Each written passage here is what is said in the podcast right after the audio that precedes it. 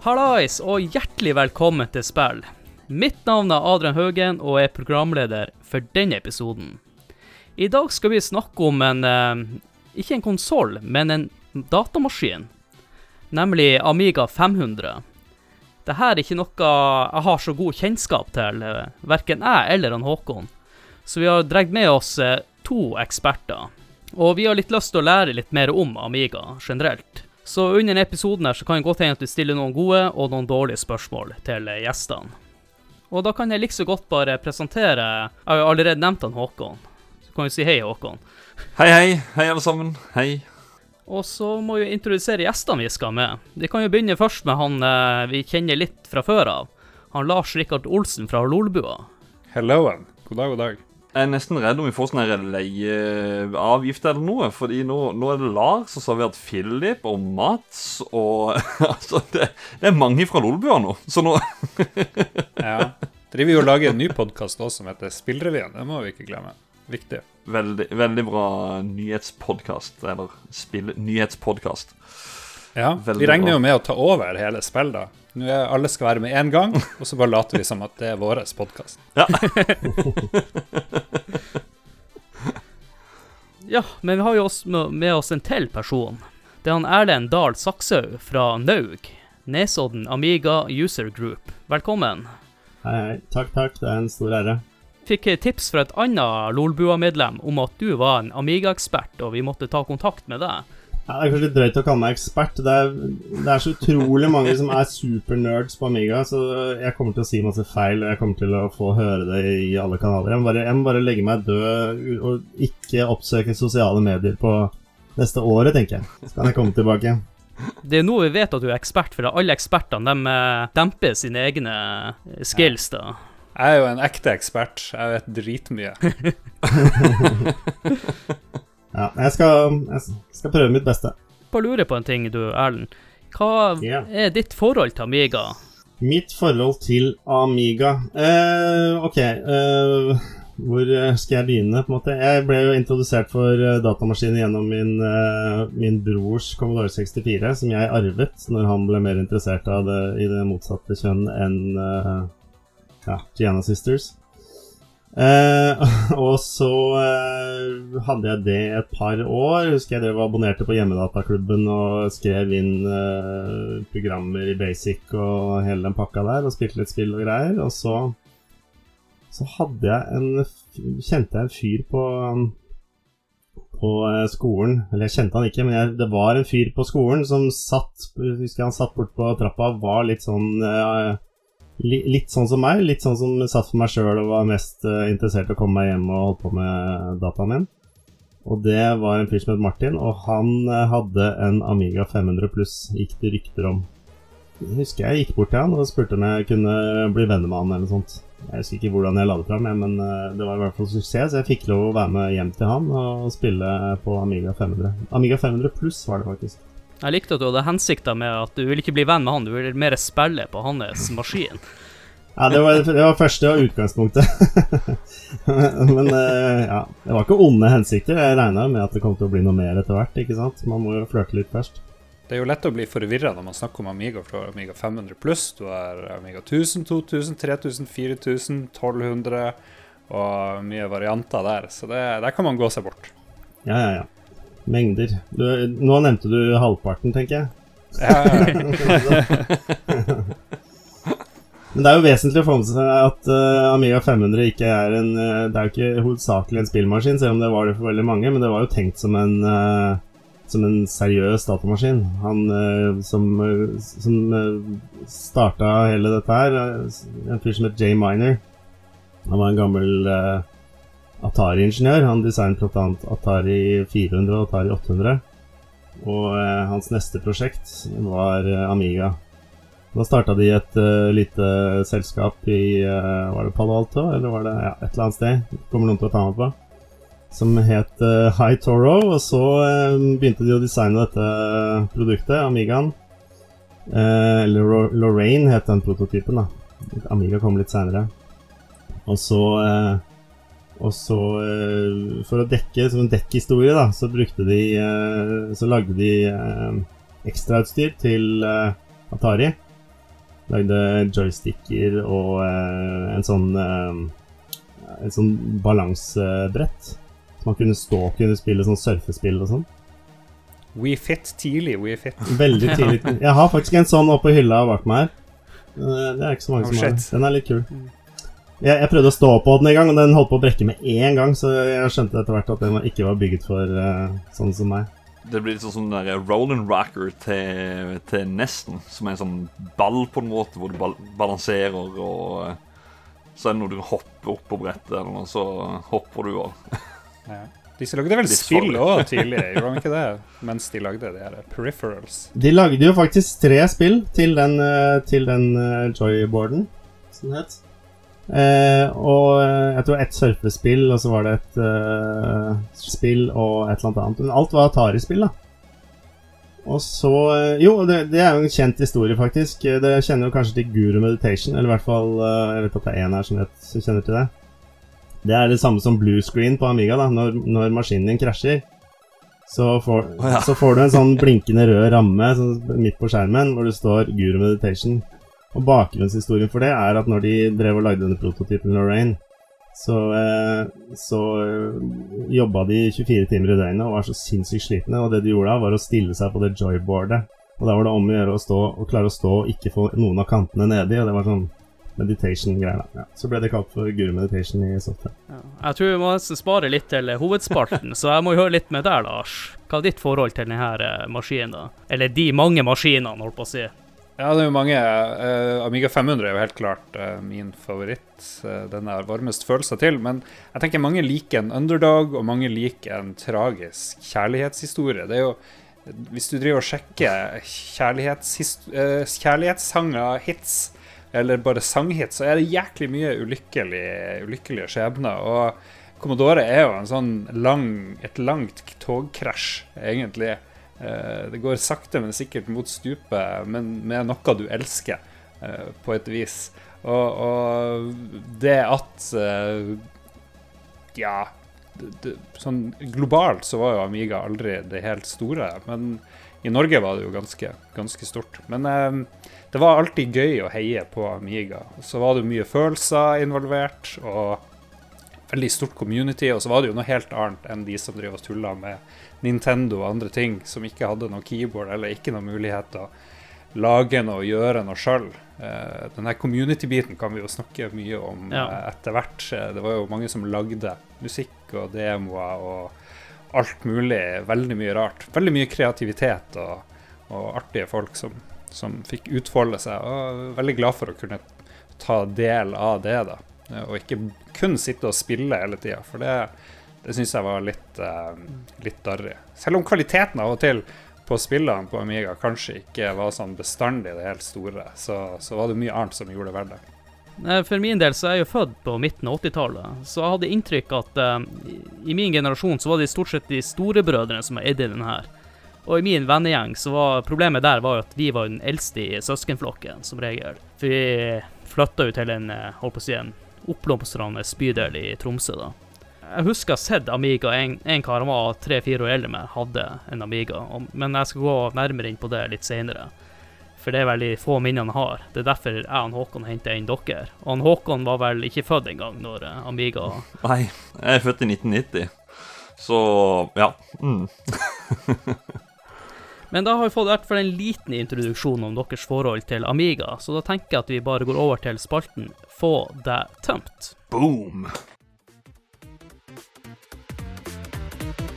Det er på tide å få deg tømt. I dag må jeg bare fortelle om hva som skjedde på butikken. Ja, du vet, denne øla her, den er så sykt god. Det spillet her er jo helt fantastisk. Hæ? Tuller du med Har du ikke prøvd det? Sjekk ut denne TV-serien. Herregud, så fet. Få deg tømt. Da er det på tide å få oss tømt. Og jeg kan like så godt uh, begynne. Jeg så på briller her om dagen, eller nærmere sagt på Facebook, som mange mener er død og begrava. Du vet de små begrene de har på McDonald's og Burger King, som du skal ha ketsjup oppi?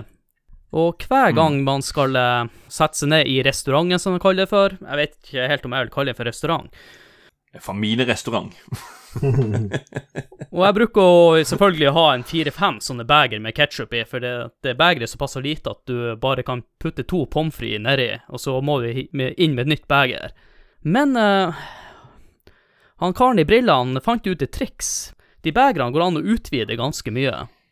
What? Så du får egentlig en gigantisk skål. Og det jeg tenker på da, hvorfor i faen står det ikke noe bruksanvisning for de begrene rett over? Det her er shocking news. Kan det være tidlig, tidlig koronatiltak? Sant? Du skal ikke drive og nevle nedi der, ikke sant? Det krise. Ja, det er noe sant, men OK, etter korona så anbefaler dere å utvide holdet, hvis det er lov til å si, i alle retninger. Og så er det bare å sprute nedi der, så Så har dere bare ei skål, så ser- slipper dere se ut som en eh, fett søkker med en haug med sånne uh, ketsjupskåler. Men du er ikke redd for at den skal, eh, at den skal kollapse eller noe sånt, da?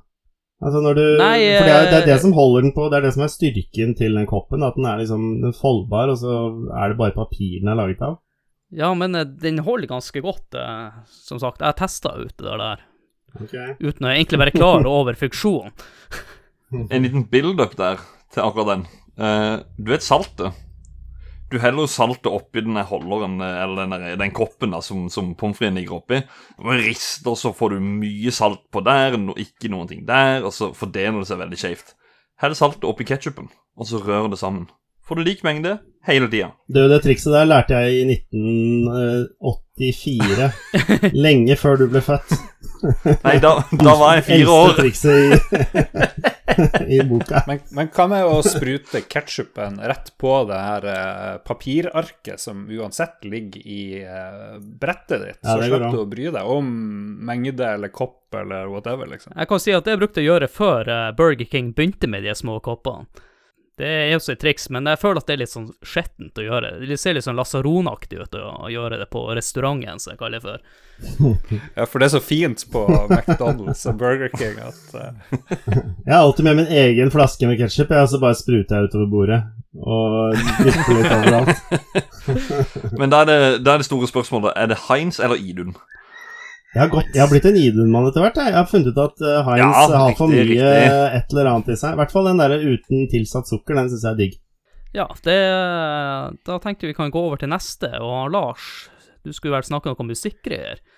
Ja, det har vært noe eh, mens i Skal vi se, det har vært noen uker før vi spiller inn her, så har det vært litt uh, morsomheter om at Nickelback har tweeta at eh, i denne tida her så er det viktig at folk skal få noe å trøste seg med og, og, og sånn, og at de er klar til å komme med ny plate eller ny musikk. Og det er jo litt tongue in cheek, for de vet jo at de er mye hata osv. Men jeg skjønner, ikke, jeg skjønner ikke greia med det her Nickelback-hat, og så er det veldig populært å hate U2, og liksom noen sånn diverse band som bare er blitt litt inn å hate, da. Og så skjønner jeg ikke hva er, hva er motivasjonen med sånn kollektivt hat mot en musikkgruppe, og så virker det som at noen bare hiver seg på det fordi alle andre gjør det. Og jeg gjør nå F i hva andre folk hører på av musikk, og jeg skjønner ikke helt det der. Hvor, hvor står dere på Nickelback, for det første? Det er jeg litt nysgjerrig på. Så jeg har bare hørt én låt eller noe, jeg. Så, Ja, har de ikke bare én låt? det er kanskje det. Look at this photograph. Men, men det meste av det som spilles på radioen i dag, er jo veldig mye dårligere enn Nickelback. Jeg vet ikke om det er lov å si, men det er jo det meste Ja, kanskje jeg er gammel, men det, det meste av det som lages i dag, er bare dritt. Nickelback Defense League er på plass her. Jeg liker det. Vi står sterkt sammen. Jeg har jo en eh, russebil utafor huset mitt akkurat nå, og den musikken de spiller der, er bra mye dårligere enn Nickelback, det kan jeg si. Ja. Dette er beviset på at uh, vi alle har passert uh, Ja, Håkon, Ja, du er ennå ikke 30. Nei, da, sånn var det. Ok.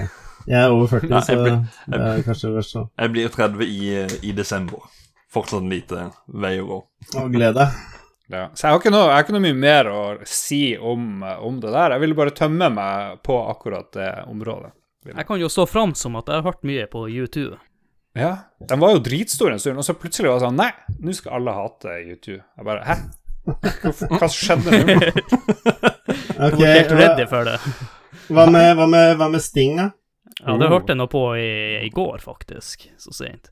Så Ja, ikke sant? jeg, jeg liker jo Police. Ja, det er i hvert fall populært å hate. Det er liksom default. Hvis du ikke hater Sting og eh, U2 og Nickelback, så er du liksom ikke kul nok. Da, er- da, da er ikke jeg kul, men ja, ja.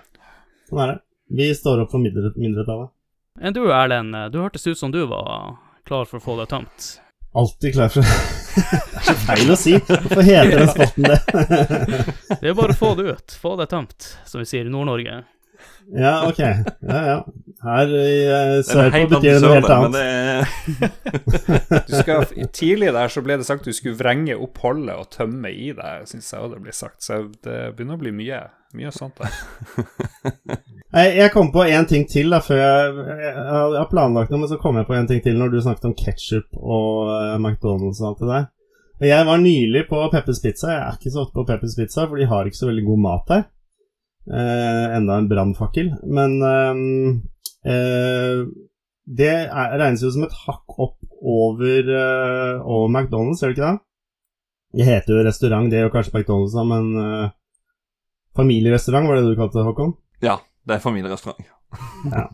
Det er jo lekerom, og det er jo rent og pent og Ja, ja, ja. Ja, men de, de prøver jo liksom å fremstå som noen som er litt et hakk opp over McDonald's. Men så får jeg denne pizzaen, som for øvrig var ganske slapp, eh, og så kommer det med en fucking saks. Saks for å klippe opp eh, pizzaen. Det, altså jeg, jeg husker jeg pleide å gjøre narr av mine 18 år gamle kompiser når jeg var sånn 18-19 sjøl, fordi de brukte saks istedenfor sånn rulle. Hvor, altså, kan ikke de skjære opp pizzaen for oss, og hvis de ikke gjør det, så kan de i hvert fall gi oss en rulle, ikke den der forbanna saksa. Det var bare helt ubrukelig. Hvorfor skal vi klippe opp saks? Klippe opp en pizza med saks? Det, ja, Nå fikk okay. jeg lyst til å klippe en pizza bare for å Ja, men det Nei, herregud, det gjorde vi jo på, på LAN. Det var det ene lokalet. Det var, vi, vi hadde en sånn checklist for ting vi måtte ha med oss. Det vi alltid glemte, det var å ta med pizzahjul, for de hadde ikke det i det lokalet. Men eh, de hadde en saks, så det var alltid den eh, svære røde saksa. Å ja. Hvis Den, hvis eh, jeg ikke har pizzahjulet, så bruker jeg brødknivene.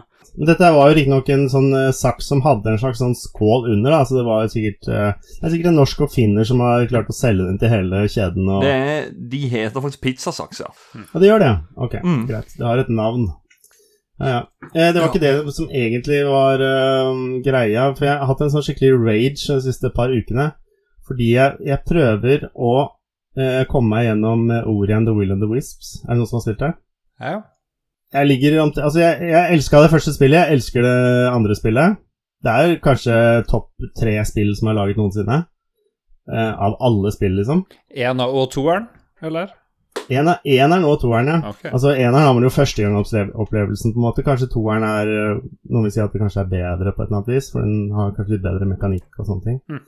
Men øh, ja, uansett, da. Så i eneren så husker jeg det var et parti i slutten som var så helvetes jævlig vanskelig, hvor du skal Hvor det er en sånn ugle som du skal øh, Som jager deg, en sånn fire uh, owl som jager deg. Og da husker jeg jeg spilte Jeg sånn døde så kanskje sånn 150-200 ganger på den ugla. Og så bare Fuck it, her orker jeg ikke lenger. Og så prøvde jeg en dagen etterpå, og så klarte jeg ikke da heller. Og så Jeg spilte jo jeg spilte på normal, da. Men, men akkurat de der chase-sekvensene har ikke noe særlig å si når du øker i vanskelighetsgrad. Eh, men eh, i hvert fall, jeg endte med å legge fra meg spillet i eh, et halvt år eller noe sånt, før eh, jeg hadde en kompis på nachspiel, og vi bare Faen, nå skal vi komme oss gjennom dette her. Og så klarte vi det, da. Så brukte vi sånn fire timer på å komme oss gjennom den ene lille stedet.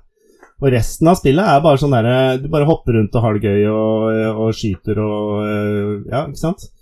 Det er ikke, det er ikke like hardcore skill, sånn hoppeskills, som skal til da, for å klare å runde spillet, bortsett fra de der chase-sekvensene, som er så hårfine. Du må liksom hopp, hopp, hopp, akkurat der, akkurat der, akkurat der, og så, og så dør du helt på slutten, og så må du helt tilbake til start, og så gjør du det igjen og igjen, og så dør du og dør og dør og dør. Mm. Men så kommer toeren, da, og så er jeg, nå er jeg halvveis i toeren, og nå er jeg kommet til noe som het en, en sand eh, Hva heter det for noe? Giant sandworm, eller noe sånt. Ja, det første jeg gjør, selvfølgelig etter at jeg har rage-quitta for fjerde gangen, det er at jeg googler det. Og alle googler liksom Rage Quit, igjen uh, Will of the Wisps, eh, Sandworm. Og så er det sånne lange tråder som, jeg, som gjør at jeg kan få sånn ro i sjela, og at det er masse folk rundt omkring i verden som har det like ille med akkurat det stedet. da. Men uh, ja, jeg skjønner ikke hvorfor de skal ha sånne chancer som er så forbanna vanskelig, når resten av spillet er ment for å være en sånn hyggelig opplevelse for folk som er fan av plattformere. Jeg har, jeg har fullført aldri det første ordet, men uh, det så jo så fint ut, og musikken er fantastisk. Jeg, jeg likte det veldig godt, men jeg, kanskje jeg burde skjerpe meg. Men jeg har jo et anstrengt forhold til Xbox og alt det der. Det var der jeg spilte det. Det føltes, det føltes som å gå på jobb bare og skru på Xboxen.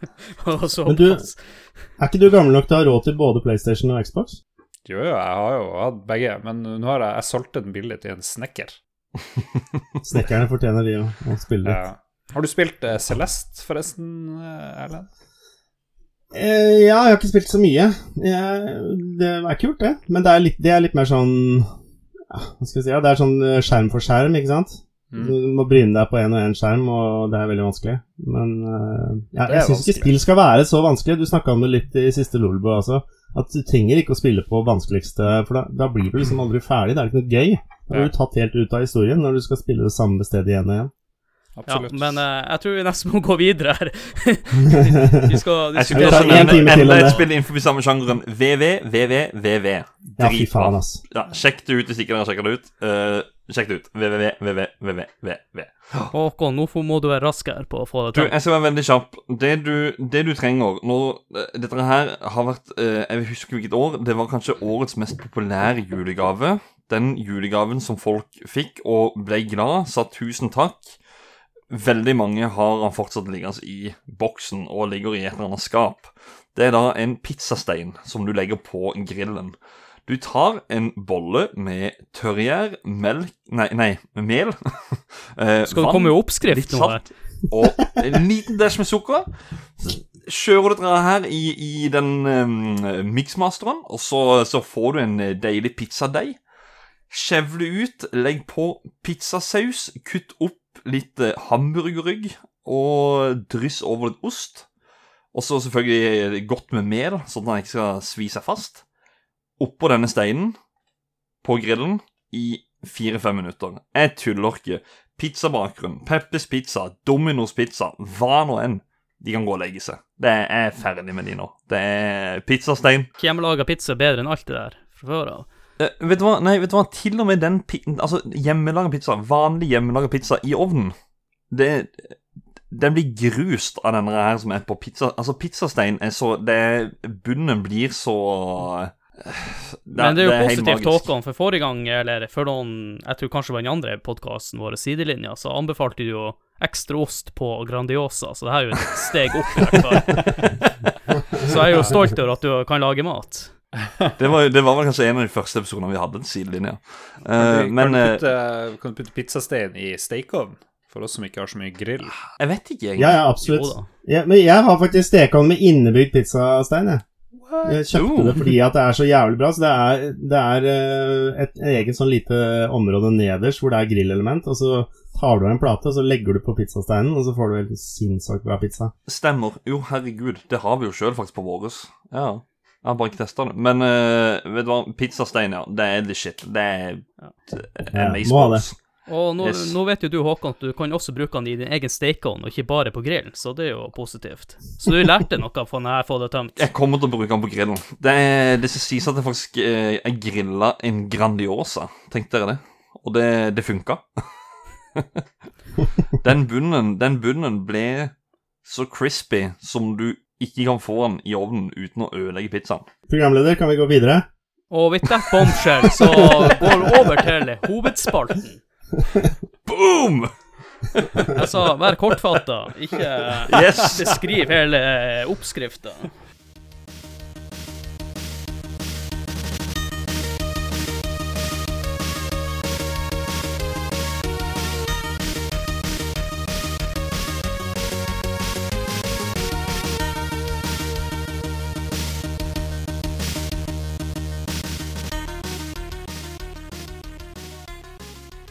Da er det på tide å snakke litt om Amiga.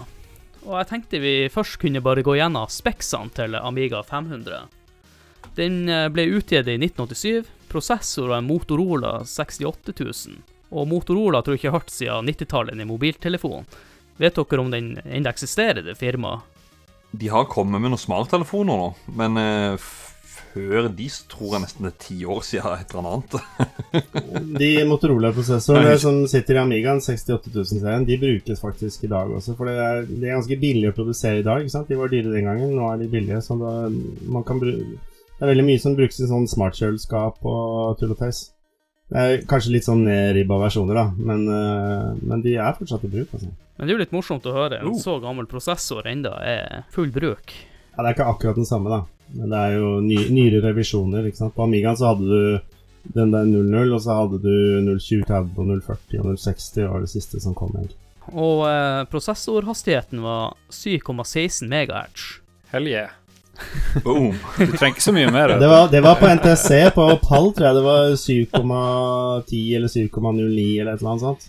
Så enda lavere her i Europa. God damn.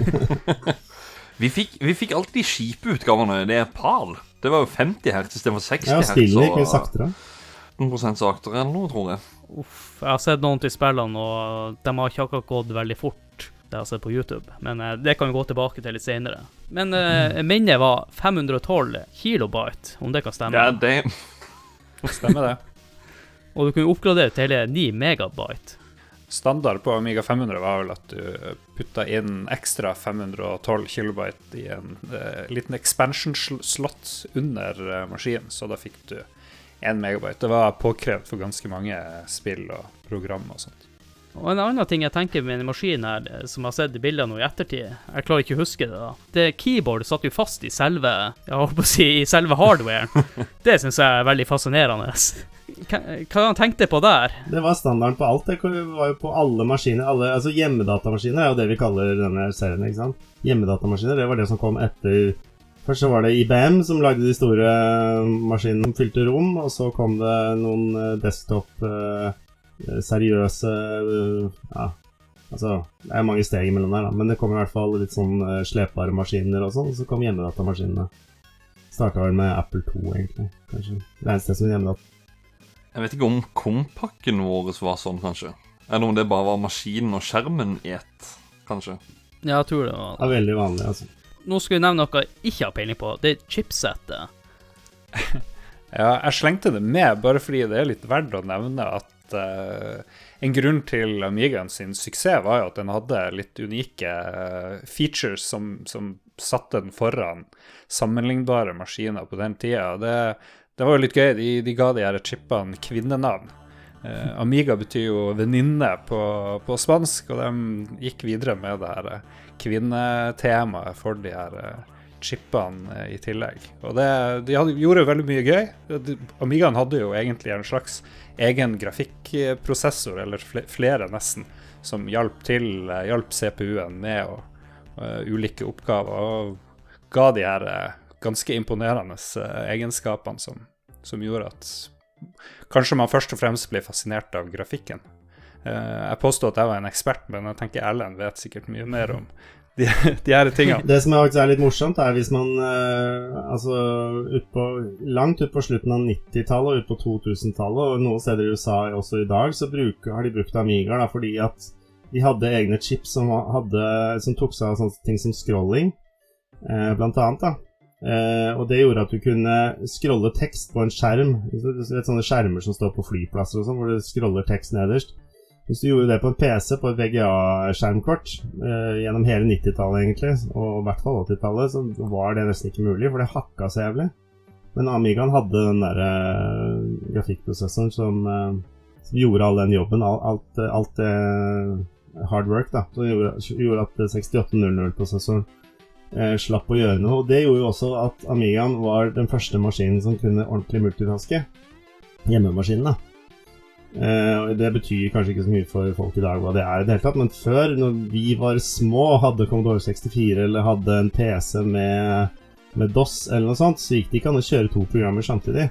Enten så kjørte du Word for Windows Nei, ikke for Windows, men Word, eller så kjørte du eh, et spill, eller ikke sant? Men i dag så kan man jo switche mellom. Det kunne du på Amigaen. Hvis du ser på den første Amigaen fra 1985, Amiga 1000, så var det demonstrasjoner hvor de åpnet eh, Da sto de på Space World Jeg kan være i Oslo, det var et eller annet. Eh, hvor de solgte Amigaer, og da demonstrerte de at de kunne åpne liksom 30 klokker samtidig som sto og, og, og eh, gikk synkront i hvert sitt vindu. Og det var bare helt hinsides. Det var Wow. ingenting som var i nærheten av det på den tida. Jeg har et lite dumt spørsmål. Du sa at den første Amigaen heter 1000 bak. Ja. Og vi skal snakke om 500. Jeg skjønner ikke helt den logikken, at du går fra 1000 til 500 etterpå. Det er litt sånn Xbox driver på med nå. Jeg husker faktisk ikke hvorfor den første heter. Amiga 1000. Jeg er ikke sikker på hvorfor den heter Amiga 1000, men jeg tror den første Altså, først så het den jo bare Amiga. Da den var Amiga Corp som eide den, og så eh, kjøpte jo Commodore opp Amiga fordi de gikk tom for penger. Og Commodore de døpte den Amiga 1000, tror jeg. Så hvis du har en av de første revisjonene av Amiga 1000, så står det bare Amiga bakpå. Men eh, også senere, så et år senere, så begynte tyskerne å utvikle en versjon som heter Amiga 2000. Som de lagde en versjon av i USA. Og så senere, og så kom det eh, Fant ut at de måtte ha en versjon som var eh, billigere å produsere, for den var jævlig dyr. Den kosta liksom ja, 15 000-20 000 i hvert fall i Norge å kjøpe en Amiga 1000. Og det var mye penger den gangen. ikke sant? Så kan sikkert gange med 3-4. Eh, og da begynte de å utvikle en, eh, en eh, lavkostversjon med innebygd tastatur og alt det der, og det ble Amiga 500. Det som er litt artig, det er at veldig mye av de samme chipene var jo i alle de her eh, maskinene, så du kunne bruke samme programvaren stort sett på 1000 og 2500 og 500 osv. Ja. Og eh, tek teknologien i Amiga endra seg utrolig lite på omtrent ti år, egentlig. Det er litt eh, spesielt. Ja, I hvert fall fra 85 Ikke år, til, til eh, 85 til 1990, når Amiga 3000 kom og hadde 030-prosessor, så var det vel ikke noe mer enn den 6800-prosessoren. Så det var jo ikke sånn veldig kjapt, men ja. Men Amiga det er jo eh, britisk, er det ikke det? amerikansk. Det britiske er ikke det ZX Spektrum og det?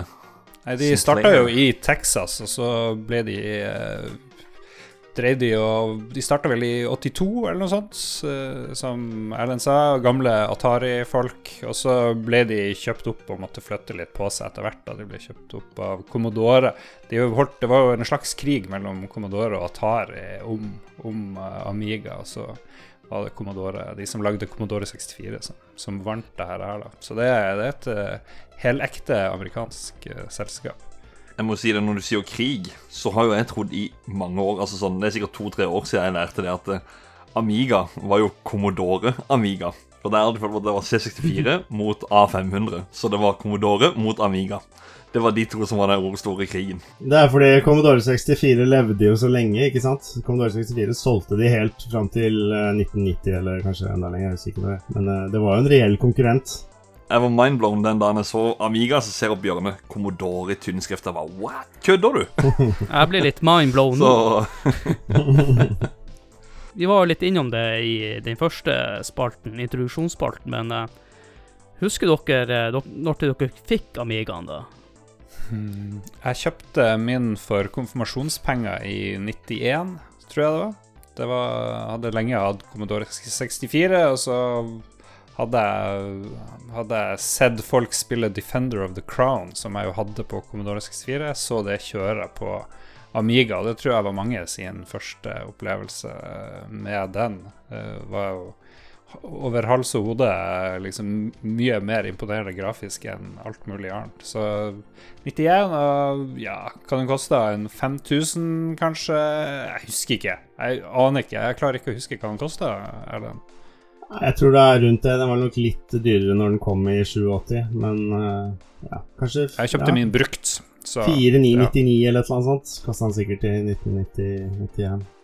Og så måtte du, hvis du skulle ha harddisk, ikke sant, så måtte du jo kjøpe en sånn eh, klump som du putta på siden, som hadde 20 megabyte. 20 megabyte. Og den kosta mer enn Amigaen. Den kosta kanskje 6000-7000 kroner. Herregud. Det er veldig spesielt. Ja. I min, I min omgangskrets så fantes det ikke noe Nintendo eller Sega. Det var kun Commodore 64 og Amiga 500, så det var ikke noe valg å kjøre noe annet, egentlig. Og var jo så vant til å kunne skrive skolestiler og gjøre ting annet enn å bare spille, så da var det liksom Ja, ja, da skal vi ha Amiga. Folk hadde jo ikke råd til å ha både Amiga og, og altså både en datamaskin og en konsoll. Det var helt uaktuelt. Da, så hvis du da skulle overtale foreldrene om å kjøpe én ting, så ble det da én ting du kunne kombinere. Så jeg, jeg vet jo at det var Jeg husker jeg kjente noen som hadde Nintendo, men det var bare sånn De var lamers. Lamers, det var alle som ikke hadde en ordentlig Amiga, liksom. og det var de til langt ut på 90-tallet. Ja, jeg vet også, Sånn var det hos oss. Det var jo Altså For meg så har det alltid vært Nintendo. Nintendo har vært sjefen i vårt nabolag i alle år. Men vi vet det var, det var noen som hadde storebrødre som hadde Amiga og, og Commodore. da Så det var de store gutta som hadde det. Ja, jeg kjenner meg litt igjen i historien til han Lars, fordi at jeg kjøpte min første PC når jeg, for mine konfirmasjonspenger. Så jeg tror det også var litt eh, at dere som var liksom 14-15, dere følte jo vel at det her var litt mer barnslig, mens Amigaen det var kanskje litt mer voksnere type spill i tillegg, og du sto mer fritt til å gjøre ting, som du sa, Lars, som gjorde at uh, det bikka den veien. Ja. Og lite visste jeg jo at Amiga var jo liksom kanskje på høyden i 91, 91, 92 og 90. Da var liksom storhetstida. Så jeg kom inn akkurat liksom da det var pika, tror jeg. Jeg husker når jeg var på The Gathering i 93 så var det Fantes det da? Ja, ja. Eh, Starta vel i 91 eller sånn. 90 eller 91. Var det på Skedsmokorset? Ja, var det ikke det Altså, der hvor jeg, det første stedet jeg var, var på eh, Hva het den hallen for noe? Utenfor Oslo et eller annet sted. Ikke Skedsmokorset, men ja. Um, ja, samme det. Men i hvert fall der så var det Fra 93 så var det nesten bare Amigaer. Og så var det noen få PC-er. Og så husker jeg at i 94 så begynte det å komme ble det sånn eh, nesten 50-50, og så året etter så var det bare PC-er og ingen Amigaer plutselig. Eller var det sånn lite hjørne med Amigaer. Mm. Og da husker jeg de også, var det i 96 eller noe sånt, så hadde de et sånn lite hjørne hvor, hvor, hvor, alle spillerne satt. Og alle satt og spilte Quake eller noe sånt. Når var det det kom? 96-97? Så det var et lite hjørne hvor alle, sånn, sånn, ja. alle var, Så sto det lamere. Lamer sto det på sånn politisperreteip som var rundt hele området hvor de satt og spilte. og Så da kunne man spytte på dem og eh, kaste CD-er på dem. Og, og, sånn. og så Året etter, da var det nesten bare spillere som spilte PC i hele rommet. Og så var det et lite demoscenehjørne i, i andre, andre enden hvor alle satt og lagde demo. Så det snudde ganske fort. Lamerne tok over verden. eller TG, i hvert fall. Amiga lagde de monitorer sjøl, eller kjørte dere måtte kjøpe separat PC-skjerm, eller eh, spilte dere på TV? For det er ikke det jeg klarer å huske da jeg var liten. Veldig mange spilte på, PC, nei, på TV, men de var jo Amiga-branda, disse monitorene som veldig mange hadde også. Det er 1084 S, som veldig sikkert mange uh, husker. Eller uten ja, S, hvis du hadde mono-versjonen. Jeg har begge, begge deler. Ja, du har begge deler, ikke sant. Og det var, eh, det var Philip som lagde det, men de sto Commodore foran på den, da. Nei, for det er derfor jeg alltid trodde det var en konsoll da jeg var liten. For han som hadde Amigaen, han spilte faktisk på TV-en, hvis jeg husker riktig. Så derfor jeg tror jeg har blanda i mange, mange år. Ja, jeg spilte mye på TV. Det var jo Du, du fikk jo større bilde, ikke sant. Så koselig, det. Ja, jeg bruker en RGB-kabel på denne, på denne her. Ja, drømmen var å ha en 17-tommers monitor. Alle hadde 13 eller 14. 17, var, da var du big shot. Det kosta liksom 15 000-20 000 for 17 tommer. Så måtte du ha en TV-adapter. Det var jo ikke noe Veldig mange måtte ha en sånn lang, rar dings stikkende ut av Amiga. For det, det, for å spare penger så kutta de ut den der eh, greia som gjorde at du bare kunne plugge, plugge ting fra maskinen inn i TV-en. Det, er det den der A520 Er det det den heter? A520, ja. Det var før jeg hadde en RGB-kabel, så ja. Er det, er det, den som ser ut som en strømforsyning? For jeg, jeg så en video han pakka opp eh, Amiga 500, så var det sånn gigantisk strømforsyning. Så ut som det veide et tonn. Det er nok en strømforsyning, ja. ja, den var jo helt gigantisk, den der. Jo... Ja, den er sånn 10 cm lang eller noe sånt. Og stikker ut bakpå Amigaen og gjør at det er umulig å få plass til den på moderne skrivebord. Så det er bare å hive. Han er som en ølboks i størrelsen, faktisk. Sånn så godt ja. som. Så hvis dere har en ølboks foran dere, så er det ca. den. Yes. litt tynnere. Men jeg tenkte vi kan jo også snakke litt om eh, Du var jo innom The Gathering og sånn, miljøet rundt med byttelåning av spill og shareware og sånne ting. Og er det kanskje der dere har eh, mange gode minner ifra? Ja, jo da. Det var jo det, det, jeg brukte mye tid på, det var jo å ikke bare spille, men å bytte og, og lete og etter hvert laste ned med modem. Det var jo òg en greie som skilte det her fra, fra vanlige spillemaskiner. var jo at du kunne, kunne gå på nettet med litt skittig 2400-baud-modem osv. Og, så og gå på sånne BBS-er. Det var jo litt eh, Gjorde det spesielt mye etter hvert på, Amiga 1200, da, men også litt på Amiga. Da, da var det mye demo jeg lasta ned. Uh, som er sånne grafiske presentasjoner, sånne skrytegreier. Uh, det begynte med at uh, de som tror jeg det, de som cracker spill, de ville gjerne ha en kul intro før spillet starta. Så hadde de en logo kanskje, og litt musikk, og en scroller kanskje hvor de sa 'fuck you' til noen de ikke likte, og 'greetings' til noen de likte. Og så utvikla det seg veldig til å bli bare de bare kutta bort spillet og lagde kun sånne grafiske og musikalske og, og litt sånn de bare, de, Sånn som Christian Tjessem, vår, vår uh, kollega i Lolbua, han koder jo enda uh, ting til Commodore 64. Og det, det, fortsetter jo også i dag på, på Amiga. Så det, det, var kanskje min favorittgreie, nesten. Uh, å følge med på scenen. De, de ga jo òg ut sånne eh, CD, eller ikke CD, floppyer med sånne nyhetsbrev eller magasiner hvor du fikk rapporter fra ulike parties. Dismags. Ja, så det, det, var veldig artig. Det var, I stedet for å gå på Narvesen og kjøpe spillblad, så kunne du òg bare lese på, på maskinen. Utrolig mye. Det var en veldig fin måte å få, eh, å få venner gjennom, uh, gjennom, det miljøet der. For det, det var ikke så lett å, å, finne folk som hadde datamaskiner, ikke sant. Det var altså det var ikke så mange som hadde spilte Eller da var du ble sett ned på hvis du spilte dataspill på den tida der.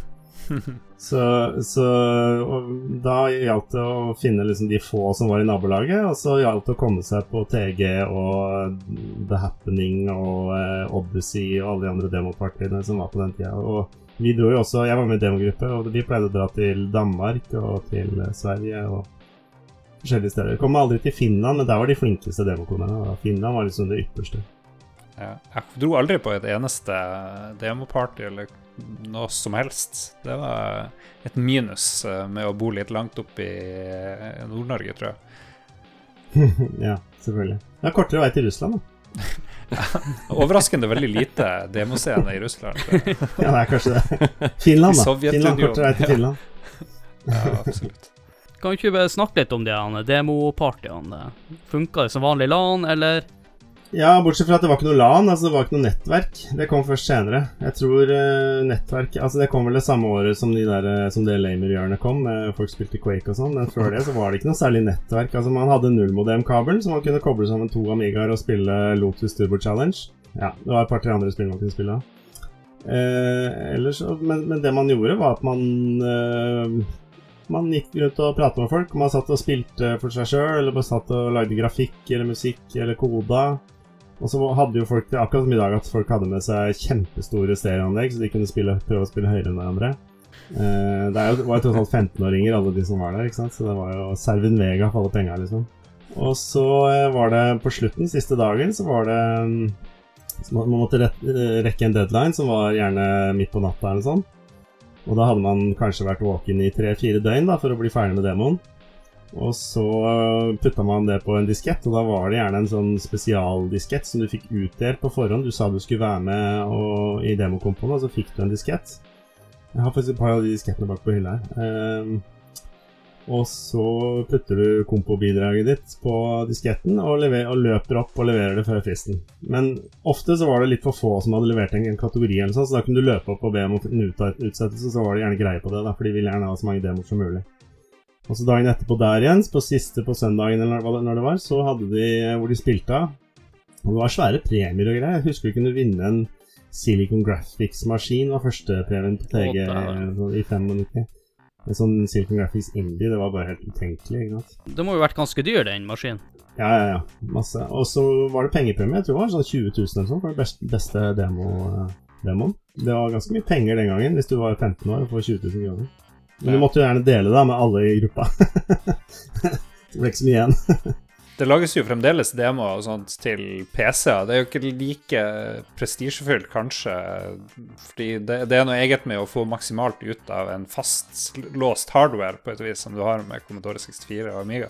Nå er det, nå må man liksom regne med at alle har sinnssyke grafikkort på PC, og sånn, men det som lages fremdeles, er jo ofte veldig veldig kult. Så jeg anbefaler folk å google det er ofte litt mer sånn designbasert, at det ser kult ut og har veldig bra musikk og sånne ting. Det var jo det den gangen òg, men da var det da var det Alle som satt i salen, visste at det var jævlig vanskelig å få til å snurre en boks, ikke sant?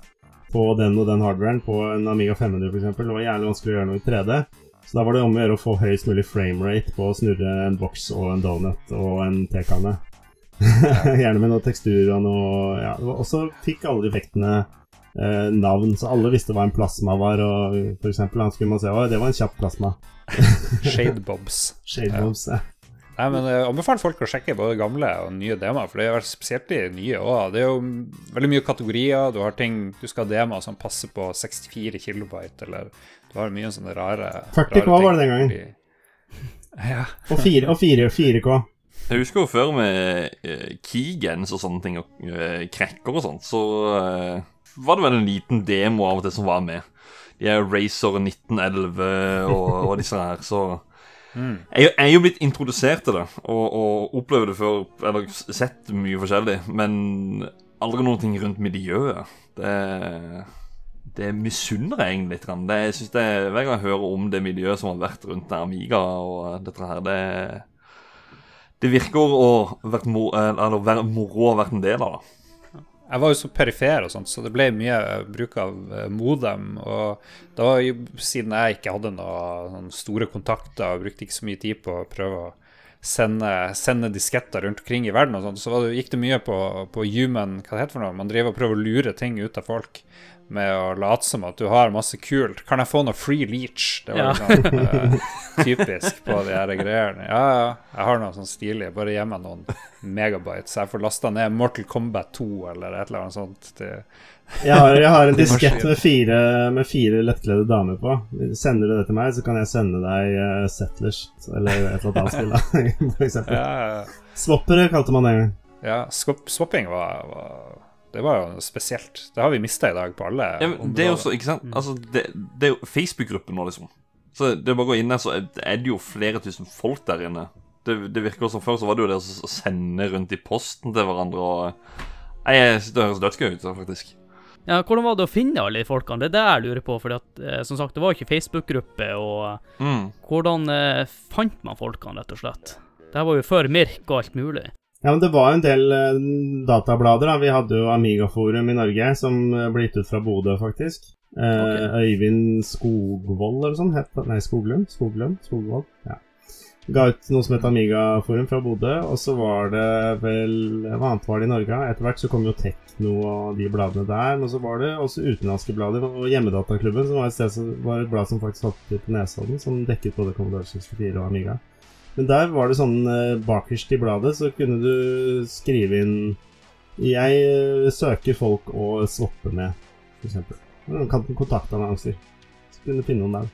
Egentlig på samme måte som vi har aviser. Bare litt mer uh, retta mot eh, miljøet sitt. Definitivt. Men hvordan er eh, miljøet i dag, da, kontra før?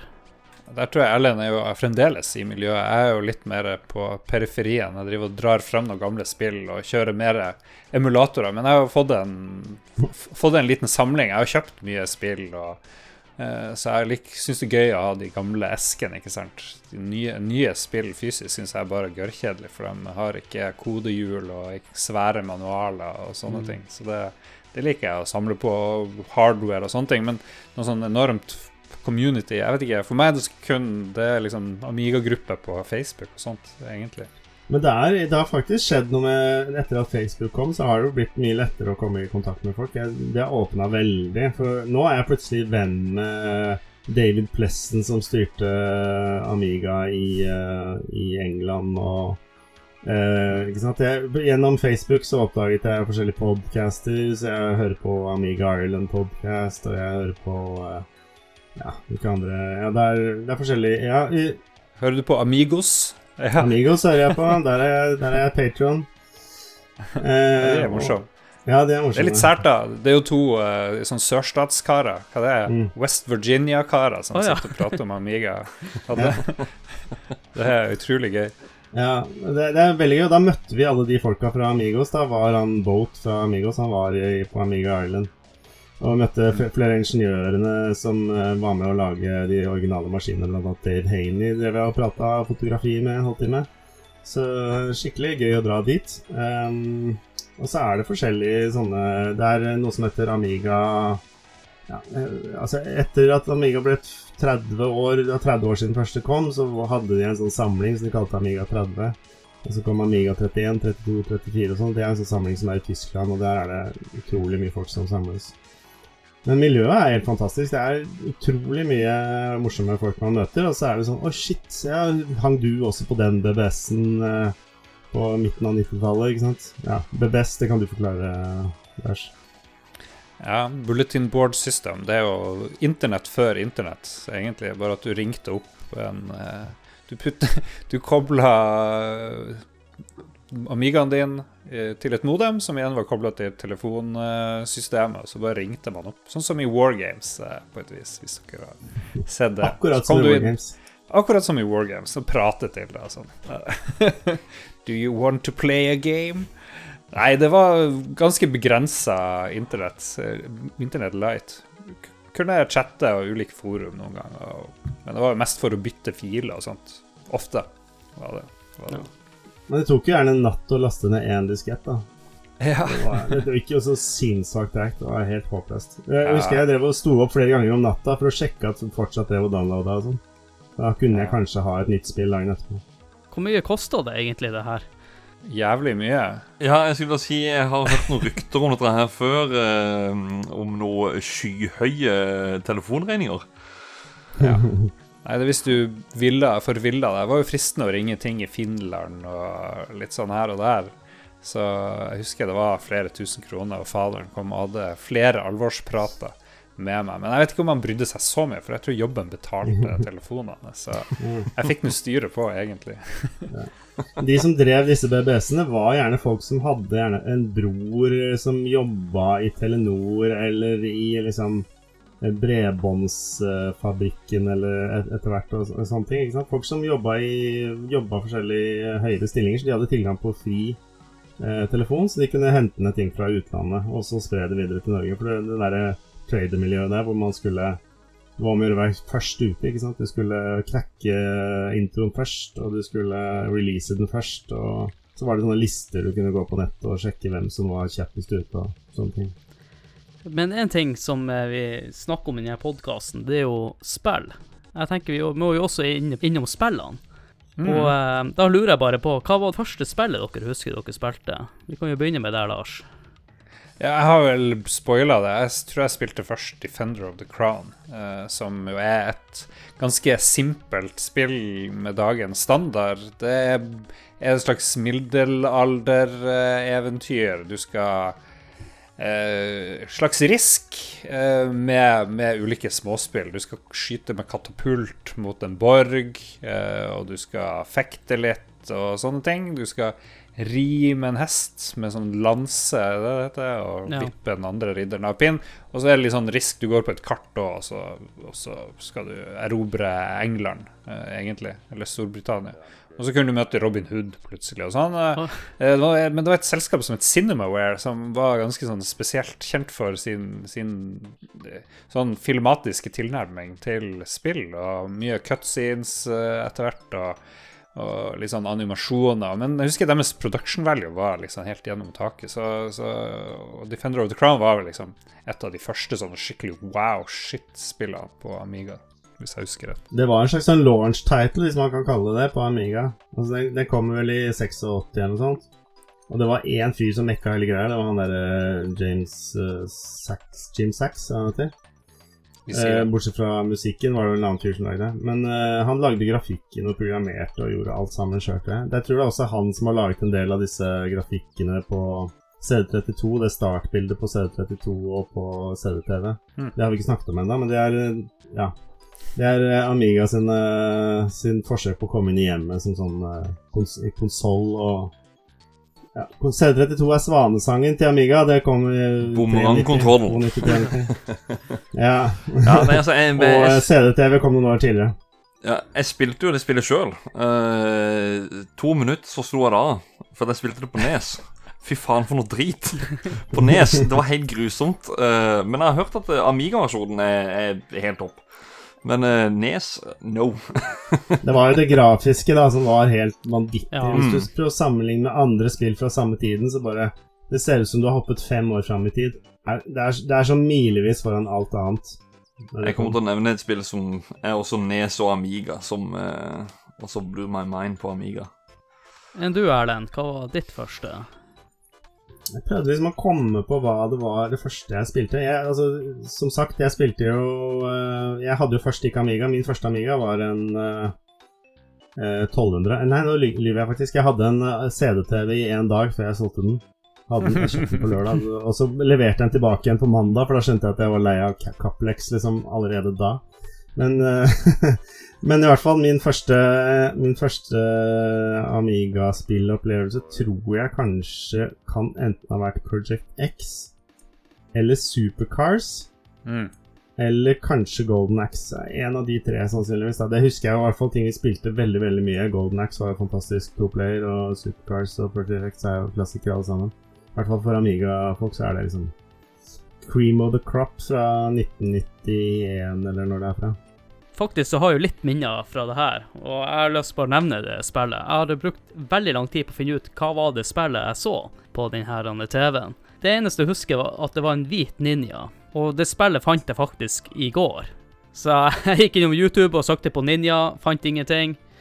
Men spillet det heter Shadow Dance, og det er ninja med en hund. Og for å kaste ninjastjerne, så har du hund. Han kan angripe en, en, en eller annen dude, sånn at du kan kaste ninjastjerne på han. Jeg husker det, men det, det, var litt som du sa, Erlend, at den grafikken der, den var så mye bedre enn alt annet jeg hadde sett på den tida. Så jeg tror det her må ha vært i 91 eller noe sånt. 89 kom det spillet, faktisk, ser jeg nå. Jeg har aldri hørt om det før. Det er et Sega Det kom på Sega først, og så okay. kom det kanskje på Amiga litt senere. Jeg bare husker at den grafikken var helt uh, sinnssyk. For da hadde jeg bare sett Nintendo 8-bit før det her. Jeg så det rett før man, man fikk uh, Super Nintendo sjøl. Amiga var jo 16-bit, som er det samme som Så det er på en måte samme generasjon som Super Nintendo, da, kan du si. Men var litt tidligere enn Super Nintendo? Ja, veld, veldig mye tidligere. Enn du Håkon, har du noen minner i hele tatt, eller har du bare Ja, du, eh, faktisk, det var Jeg gikk vel i fjerde klasse, tror jeg, tredje eller fjerde klasse, så var det en som lurte på om hun kunne låne nesen vår. Og ja, det var greit, det. Så skulle vi hjem til han og spille en sånn to-tre dager etter han hadde lånt den der. Så kommer vi ned, og der sto det plutselig en Amiga.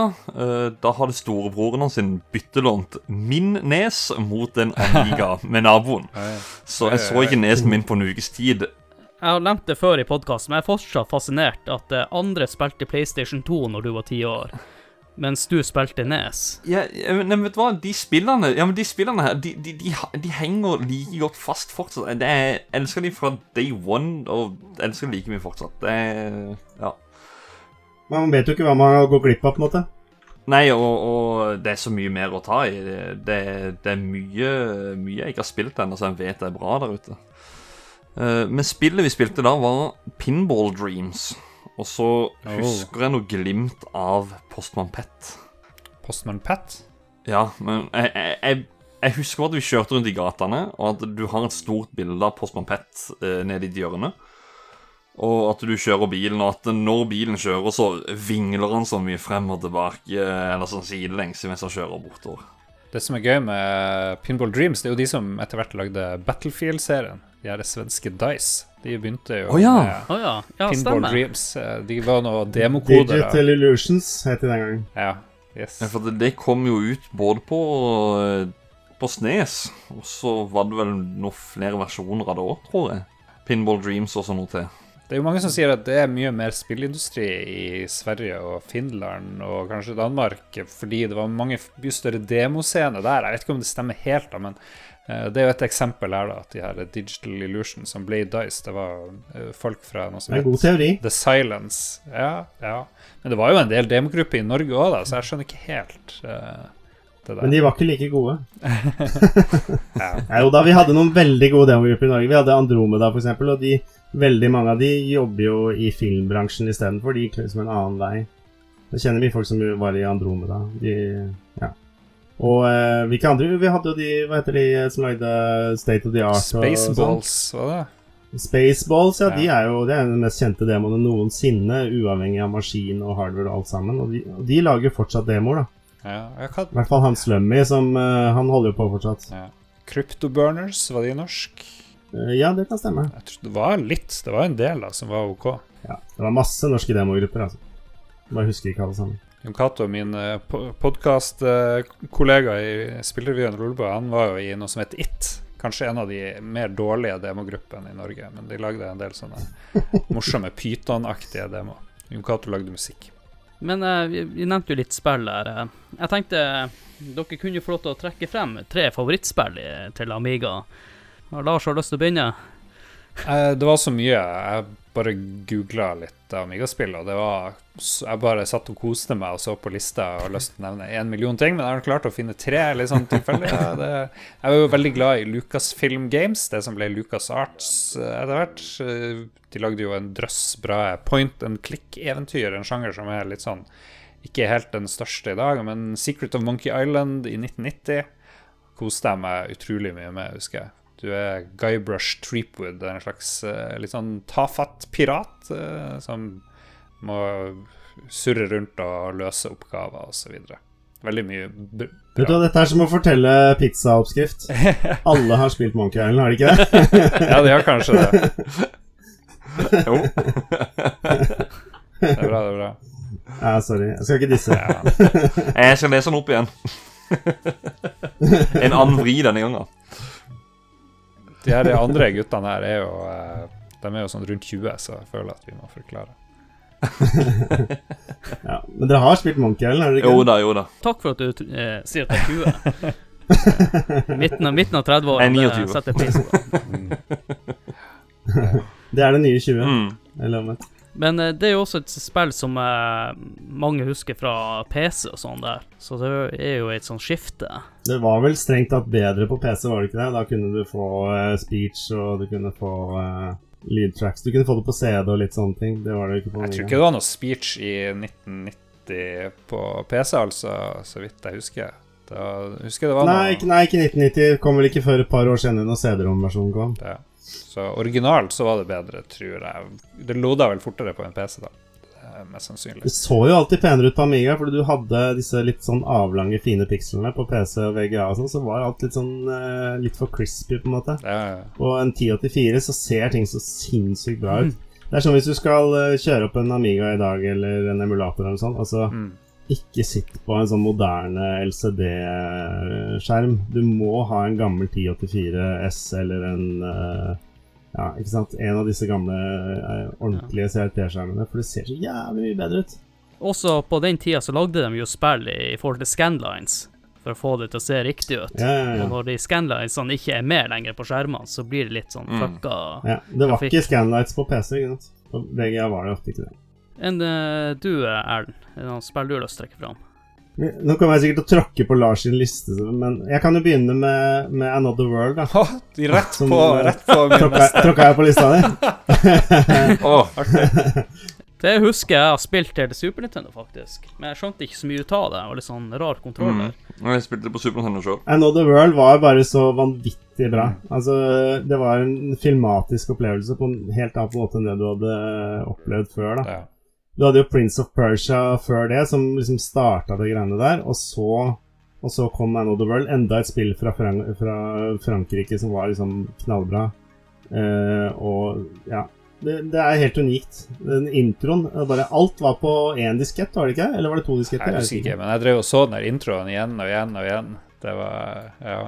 Ja, ja. Det var helt Når du sa filmatisk opplevelse, uh, utleiecoveret til Super Nintendo eh, eh, altså Super Nintendo-versjonen, uh, utleiecoveret som eh, man kunne låne før, så sto det på baksida som en filmatisk opplevelse. eh, akkurat som å være på kino. Det var liksom sykeste grafikken. Det var blåst opp, vet du, i, i tekst der. Men det var jo altfor vanskelig, da. Jeg kom jo aldri mer enn eh, liksom et par levels var jeg bare kjempedød. Jeg døde på de der markene hver eneste gang som hogla i, i, i føttene. Og jeg De der- de der- Ja, stolen hver eneste gang. Det, ja. Det var det, Jeg husker jeg klarte å runde det, altså. Det, men det var ikke, det var ikke lett. Det var det ikke. Jeg, jeg, har, jeg har en PlayStation 4. Jeg tror saven min står på inni hula der, eh, som du kommer til Nå det på iPhone og alt mulig rart. ikke sant? Alle disse kjempe, de Mm. beste spillene har jo blitt relansert på et eller annet vis. Men det er bare sånn Altså, hvis du har lyst til å spille et spill Du kan spille det med cheat codes, da. Bare for å liksom se Det er et spill som er akkurat som et spill som hadde kunne vært blitt lansert som et indiespill i dag. Ser, mm. ser like bra ut som et hvilket som helst indiespill i dag som er sånn pixel-style-grafikk. Og jeg har akkurat like bra kontrollere. Det er ikke noe sånn uh, handikappet av at det er et eh, 30 år gammelt spill, eller hvor gammelt det er. Jeg kan jo ta det ene en spill jeg husker, faktisk. Eh, Det er Moonstone. Mm, det. Ja. Og det husker jeg mest fordi at det var så mye blod, og at vi var, ble drept, for vi var ikke gode i spillet. Jeg syns kontrolleren var litt vanskelig. Torisk vanskelig spill, det var det. Men eh, det er jo en kult, eh, kulthit eh, på Amiga. Det er det. Ja, og du kunne jo spille fireplayer på det i tillegg. Ja. Ja. Når det var så vanskelig, så måtte du liksom få litt for penga. Da. De, altså, når det, var, det var så dyre spill. De kosta jo 500 kroner den gangen òg, de spillene. Så det er som om et spill skulle kosta 2000 kroner i dag. Det var helt absurd hvor dyrt det var med spill. Ja, jeg syns også det grafiske var så utrolig bra i forhold til alt annet jeg hadde sett på den tida. Monstrene og alt så jo dritbra ut. De der eh, kampene hvor du kan, skal slåss mot noen løver og noe greier, og andre riddere og sånt, hvor du kunne kappe av de hodet og alt mulig rart. Det var noen sånne deilige sånne lydeffekter òg, husker jeg. Det var mye sklett og splett og sånne ting. Veldig gøy. Plutselig kom det jo blodstråler ut av halsen på ting, tror jeg. Kjempeartig når du var liten. Jeg vet at det er et spill du må Du må ut med ah, 2500-3000 Oi. hvis du skal finne det på eBay. Det er et ganske dyrt spill. Men du, hvis vi, vi kan snakke etter podcasten, så kan jeg å- øh, Jeg har en lenke til et uh, nettsted hvor du kan laste ned helt gratis. Men det må bli uh, Det er ikke noe Det er mellom oss. Håkon, eh, har du noen spill? Jeg har det. Uh, spilte mest på Nes, men jeg, har prøvd på Amiga òg, og det er, det er faktisk der Det er det spillet. Uh, grafikkmessig så det var det som gjorde at jeg hadde lyst på en Amiga 500. Fordi spillet er gøy på Nes, men når jeg så grafikken på Amiga, så var jeg Jeg vil ha en Amiga 500 og spille det der òg. Det er North and South. Uh, strategispillet. Var det også på de liste, Lars? Neida, neida. nei da. Nei, nei. Har du spilt det i det siste, lurer jeg på? Nei. Gjorde ikke du, eh, Lars? Du og Mats? Ja, vi spilte Vi testet, Vi spilte ikke mot hverandre, for det er jo det som er gøy. Det å spille mot datamaskin er ikke artig. Men énplayer var, det var, det var ikke det helt store. Men beklager, jeg skal ikke avsløre. Nei, jeg, jeg, jeg elsker nei. det òg. Jeg elsker det òg. Nei, for at det er eh, Jeg testa jo énplayer på, på Nes. Uh, som du sa, det er ikke så gøy. Men eh, jeg kunne se hva som er gøy med det i toplayer. Og så er det bare den grafikkoppgraderinga som er i Amiga 500. Så uh, Ja, nei, det er vel et uh, slags type risk-spill. Uh, litt som det um, andre spillet som du nevnte her i stad, som jeg glemte navnet på. Um, Defender of the Crown. Defender of the Crown. Du skal ta over uh, land eller kontinenter og Ja, så er det diverse Jeg husker ikke helt åssen det er. Minispill, på en måte. Ikke masse, men det er Det er forskjellige typer Ja. måter å, å, å kjempe mot hverandre. da Og så kan du velge forskjellige typer årstider eller år, nei, årstall, som du kan eh, spille i. Det er veldig sånn brett, brettspill som er porta til datamaskin-feeling over det, kanskje. Ja. I dag får får man veldig Mm. følelse av det. Veldig gøy. Veldig gøy. Enn du, Lars, har du et til spill du har lyst Jeg til kan å nevne fort eh, Det som var art, litt artig med Amiga, var at det var, var ikke bare store selskaper som lagde spill, det var folk som bare satt hjemme og lagde ting som ble litt populært. Og et av mine favorittspill var Turboraketti, som var lagd av en finsk fyr som het Heikki Kosola. Og det kom vel i 92, 93, noe sånt. Det er bare et par romskip. Du skal helst spille med to stykk. Eh, To romskip eh, er sånn gravity-basert. Hvis du ikke gjør noe, så detter du ned på bakken, eh, Ja. hvis jeg husker rett. Noe sånt. Og så, men du hadde ulike modes. Du kunne færre reise rundt på en bane mot hverandre. Eller du kunne dogfighte, og så hadde du rundetider hvis du valgte å reise. Og så hadde du ulike våpen, og du kunne skyte og herje. og Det var noen sånn enplayer-utfordringer. Og jeg bare elsker sånn, sånn gravity-feelingen. Å fly et romskip, og så er det litt sånn inertia, og så må du bremse ned og finstyre og styre på. Og det er kanskje derfor jeg elsker et annet spill som heter X-Pilot, som var en sånn Unix uh, multiplayer-versjon av det her, nesten. Som er bare helt magisk. Uh, veldig litkjent eh, spill. Lagd av et par nordmenn, tror jeg faktisk. Men ja. Turbaraketti, Ah, ja, helt uh, amazing. Hvis du, hvis du har en Amiga-emulator, så tror jeg du kan teste det ut. Veldig gøy toplayer. Uh, ja, apropos det, så vil jeg nevne at folk bør laste noe som heter Amiga Live. Som er et sånn halvsketchy, eh, sånn lovlighetsmessig program som du kan laste ned fra nettet. Hvor du uh, kan spille veldig mange av de beste multiplayer-spillene til Amiga som om du sitter lokalt. Altså uh, For eksempel så kan du spille Lotus, da, som er et veldig kjent bilspill. Nå slipper jeg å velge det, bare for at nå har jeg nevnt Lotus. Eh, så, så kan du spille det to, eh, fire player, ikke sant? bare at du spiller via nettet. Spiller, sitter man med hver sin maskin med, med Lotus lokalt, som er linka sammen virtuelt over nettet. Det er helt genialt. Awesome. En ting med Lotus jeg må bare nevne. Jeg hadde et spill som heter Top Gear til eh, Super Nintendo, og de har samme musikken i det spillet. Jeg lurer på om det faktisk er samme fyren som har laga musikken, i hvert fall. Jeg husker ikke hva han heter for noe, men det er en veldig kjent Barry Leach eller noe sånt. Ja, Barry ja, Leach. Ja. Dødsbra musikk. Og det ser veldig likt ut, så jeg har alltid lurt på den linken der med Top Gear og Lotus. Jeg tror det, jeg tror det er helt rett. Jeg skulle velge et spill, ja. Og så egentlig hadde jeg tenkt å velge Superfrog, men det skal jeg bare nevne, for det Ah! Da har Det jeg nevnt et det, spill. det var det neste jeg hadde. da kan du snakke om Superfrog, for det er kjempebra. Eh, og så kan jeg snakke om Chaos Engine fra motherfuckings Bitmap Brothers.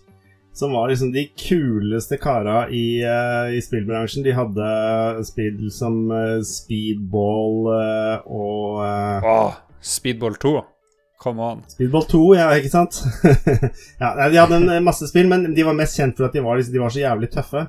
Når de, hadde, når de skulle lansere et spill, så var de Så landa Det var sånne bilder husker jeg, som lå i magasinene hvor de landa med helikopter, og alle gikk i sorte sånn Matrix-frakker eh, før Matrix, dette her, da. Og solbriller og var dritkule. Jeg lurer på om de faktisk ikke fløy i helikopter. Jeg tror de bare for på en helikopterlandingsplass og tok bilde der, liksom. Garantert. Men uh, uh, Chaos Altså, de hadde en helt spesiell stil. Det ser du i Speedball 2. Altså, han grafikeren har en spesiell sånn uh, grafisk stil. Det er veldig vanskelig å forklare det, men det er, Mm. den er veldig sånn fattig på farger, kan du si. Veldig sånn Ikke så veldig fargesterk palett, da. Men, men uh, veldig Mm. grafisk. Du har liksom kanskje bare fem-seks uh, hovedfarger, og så har du eh, noen støttefarger som jeg, Nå er jeg grafisk designer, så det blir liksom mye fag. Men eh, det, poenget var at eh, eh, Chaos Engine er et eh, Hva skal man kalle det? Sånn Maze-aktig spill. Hvor du løper rundt i uh, ganger, og du har, uh, du har fire sånne mercenaries.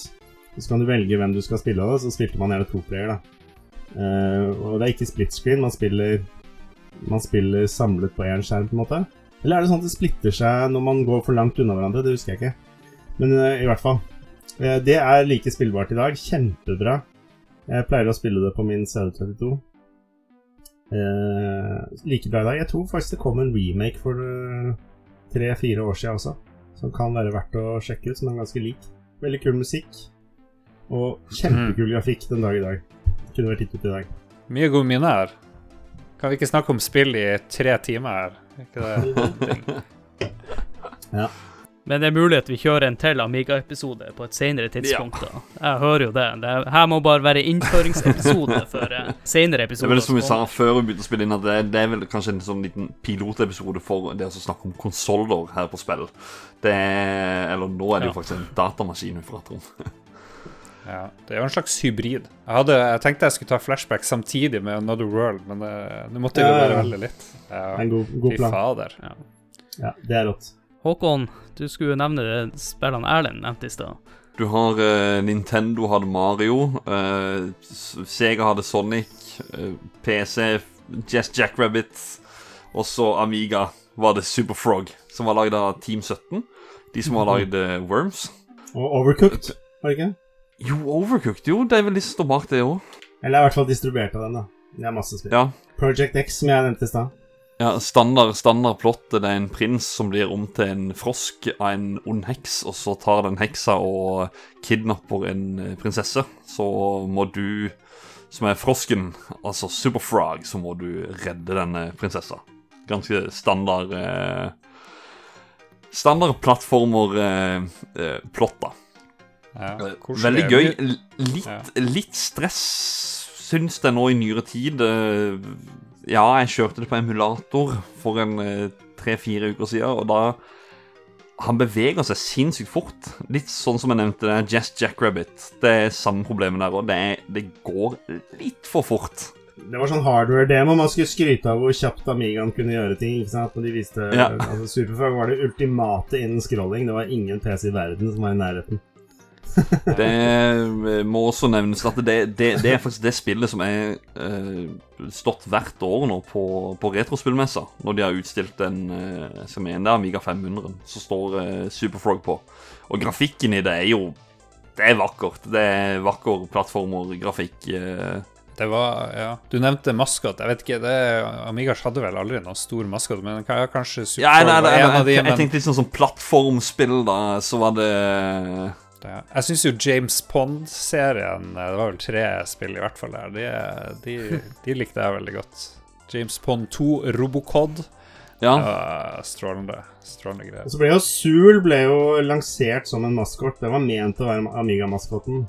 Men uh, det var jo såpass ræva at det, det slo liksom ikke helt an. Det har solgt masse spill. da. Jeg vil bare trekke frem et spill jeg har sett på YouTube og faktisk ikke spilt. Jeg var jo en stor eh, Probotector-fan da jeg var mine yngre dager, som også er kjent som Kontra, da. Men jeg likte Probotector som var kule roboter i stedet for eh, to kjedelige Rambo-folk. Men eh, det her spillet minner meg litt om eh, eh, Kontra eller Probotector. da. Det er veldig eh, flott grafisk, og det ser morsomt ut. Men jeg har alltid lurt på eh, Amigaen hadde jo ned joysticka. Hvordan var det å spille med ned joysticka? I dag så føles det litt upresist og rart, og, men det største problemet var at det var stort sett bare én knapp. Du hadde ikke to, som ville jo gjort gitt fantastisk mye mer variasjon i, i spill. Noen spill støtta to knapper, fordi jeg tror hardwaren støtta det, men de her uh, stikkene, de, de eh, ble sjelden laga med to knapper av en eller annen grunn. Jeg vet ikke helt om det var fordi de skulle funke med annen hardware som ikke gjorde det, osv. Ja, de hadde faktisk bare fem eh, kabler, altså, altså ledere inni kabelen, som altså går fra Amigaen til, eh, til joysticken. Men hvis du, hvis du tok kabelen fra en mus som hadde syv eh, ledere, så kunne du bygge om hvilken som helst joystick som hadde to knapper til å støtte to knapper. Mm. Det var ofte at de hadde to knapper, bare at den ene knapp, altså begge knappene gjorde det samme. da. Men Det krever litt ekstra innsats, Ja, kanskje. for du, hadde, du, du savna jo veldig ofte en hoppeknapp, ikke sant? For du måtte liksom skyve opp for å hoppe, og det var jævlig plagsomt i dag i moderne tid å, å spille sånn. Men Så lenge man ikke visste om det, så var det ikke noe problem. Men jeg vet at det er veldig mange Vi som hører på Amigos, vi vet at uh, han Boat han snakker alltid om up for jump. Og det var ikke, det var ikke noen folk snakka om den gangen at det var noe som het up for jump. Men det er liksom et begrep i dag at Amigaen hadde up for jump på nesten alle spillene. Mm. Og de gjør det jo litt upresist i noen sammenhenger. Men jeg tenkte aldri på det. Jeg syntes det var helt topp. Jeg. Slo meg Ja, ja, nei, jeg at det bare ikke- var én knapp. Ja, ja. Det spillet jeg har tenkt veldig på, det, det har jeg pakka ned i eske her i huset et sted. Eh, Det er mm, Street Fighter 2, som på Arkade har seks knapper for å gjøre forskjellige attacks. Her er det én stikke og én knapp. Jeg lurer på hvordan det var å spille det. Du hadde spill som internasjonal karate, f.eks. Da gjorde det ofte sånn at hvis du tok opp i høyre hjørne og trykte veldig fort etter det, du måtte liksom time, for i stedet for å hoppe, så gjorde du et oppoverslag, f.eks. Eh, så, så det var noen sånne løsninger, da. At eh, i stedet for en ekstra knapp, så, så trykte du inn knappen, og så gjorde du noe spesielt eh, i tillegg til, til noe annet. Ja. Mm. Sånn som Lionheart, der gjorde de det på en måte omvendt. Der bestemte du deg for hvilken Hvordan var det der? Du, du holdt inn knappen, og sykka du den retningen du skulle gjøre noe. Det er en veldig sånn snål måte å gjøre det på. Og Turrican er også et sånn sinnrikt system av trykking og holding og sånn for å klare å gjøre forskjellige ting som, Ja. som, som du ikke kan gjøre fordi du bare har én knapp. Når vi snakker om kontrollere, kan jeg spørre hvilken som var Hvilken, hvilken, hvilken joystick var den beste? Hvilken er det der eh, Jeg sier Zipstick. ja, den var Og- populær. Og Tech 2 eller Tech 2 eller Akkurat. Du har en quickshot uh, der, ja. Quickshot Maverick 3 det er min favoritt. ja. Jeg brukte den der eh, Var det Zipstick med gule knapper? Det var liksom det, det jeg kjøpte til de gikk ødelagt, og kjøpte på nytt. ja. De går for gode Ja. penger i dag. Det er, alle skal ha zip-sticker, så det er jo ingen som vil kvitte seg med dem. Så du, du må opp i 500-600 kroner nå plutselig for en zip- zip-stick. Mm. Jeg tenker jeg skal begynne å runde av den hovedspalten her, og eh, siste spørsmål. Hva skjedde med Amiga? Når hoppa dere av eh, Amiga-toget og gikk videre til PC eller konsoller? Jeg tror nesten alle har det samme svaret på det greiene der, og det er at PC-ene kom, og altså Doom kom. Man så Doom var en fyr som hadde PC, eller faren hans hadde PC, eller, og man så det gikk an å spille et spill som het Doom. Og så bare OK, fuck it, jeg får selge Amigaen og kjøpe meg PC. Og så døde jo Så gikk jo Commodore konkurs i 94, og så var det fortsatt noen hardcore folk som hadde Amigaen sin fortsatt, men de fleste la det på hylla, eller eh, ja, kvitta seg med maskinen og gikk over på PC og etter hvert Mac, eller hva det måtte være. Det, det var bittert.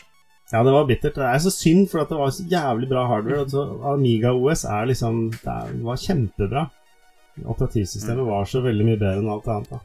Det var jo, Vi har ikke nevnt det, tror jeg, men det var jo et av de første, eh, første datamaskinene med eller operativsystemet med grafisk interface. At du, du slapp å skrive CD ditt og datt og, og stresse inn noen directories eh, hele tida.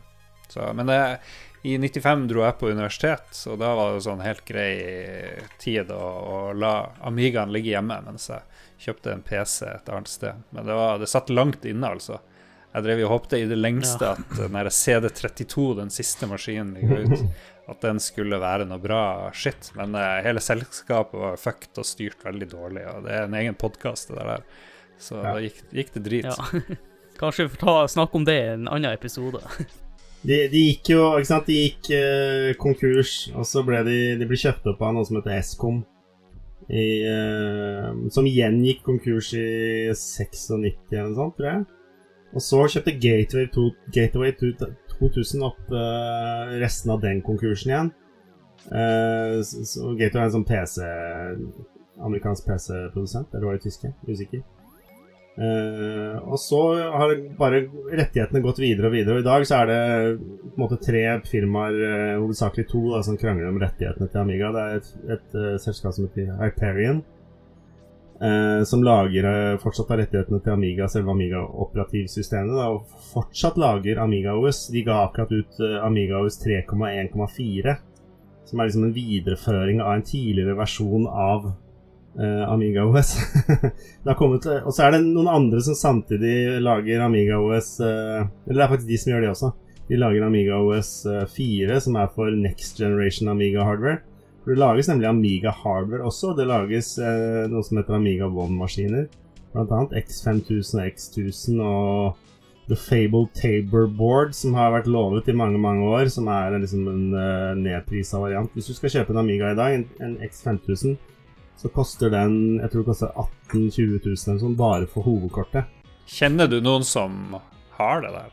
Ikke noe, jeg har møtt folk, liksom, men jeg kjenner ingen som har det. Det er jo så latterlig dyrt. Og det er, da- det er så vidt du får spilt av liksom Jeg tror ikke du får spilt av 1080P, liksom. Du, det er 720P det går i. Og, eh, må- hva er vitsen? Du, hvis du er Ja. De fleste er interessert i å spille de gamle spillene, så Det mest Mm. populære innenfor Amiga-miljøet i dag er liksom å eh, spekke opp de gamle maskinene sine. Folk kjøper seg akseleratorkort. Det lages uh, noe som heter FPGA-er, som er sånne simulerte maskin-add-ons som du putter ned i sokkelen på hovedkortet.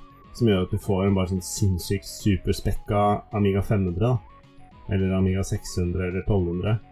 Eh, hvor du kan sitte i full PC-oppløsning på skjermen og eh, sitte på internett og surfe og lage musikk og spille spill og gjøre alt det du kunne før, også bare at du, den er bakoverkompatibel. da. Så det er bare en superrask Amiga. Det er ganske kult miljø egentlig å være i, eh, sånn sett.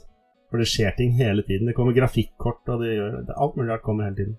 Jeg tenkte jeg skulle avslutte hovedspalten med det negative med at uh, Amigaen står men siden du prater så mye positivt nå, så tenker jeg det er perfekt anledning til å gå over til eh, neste spalte.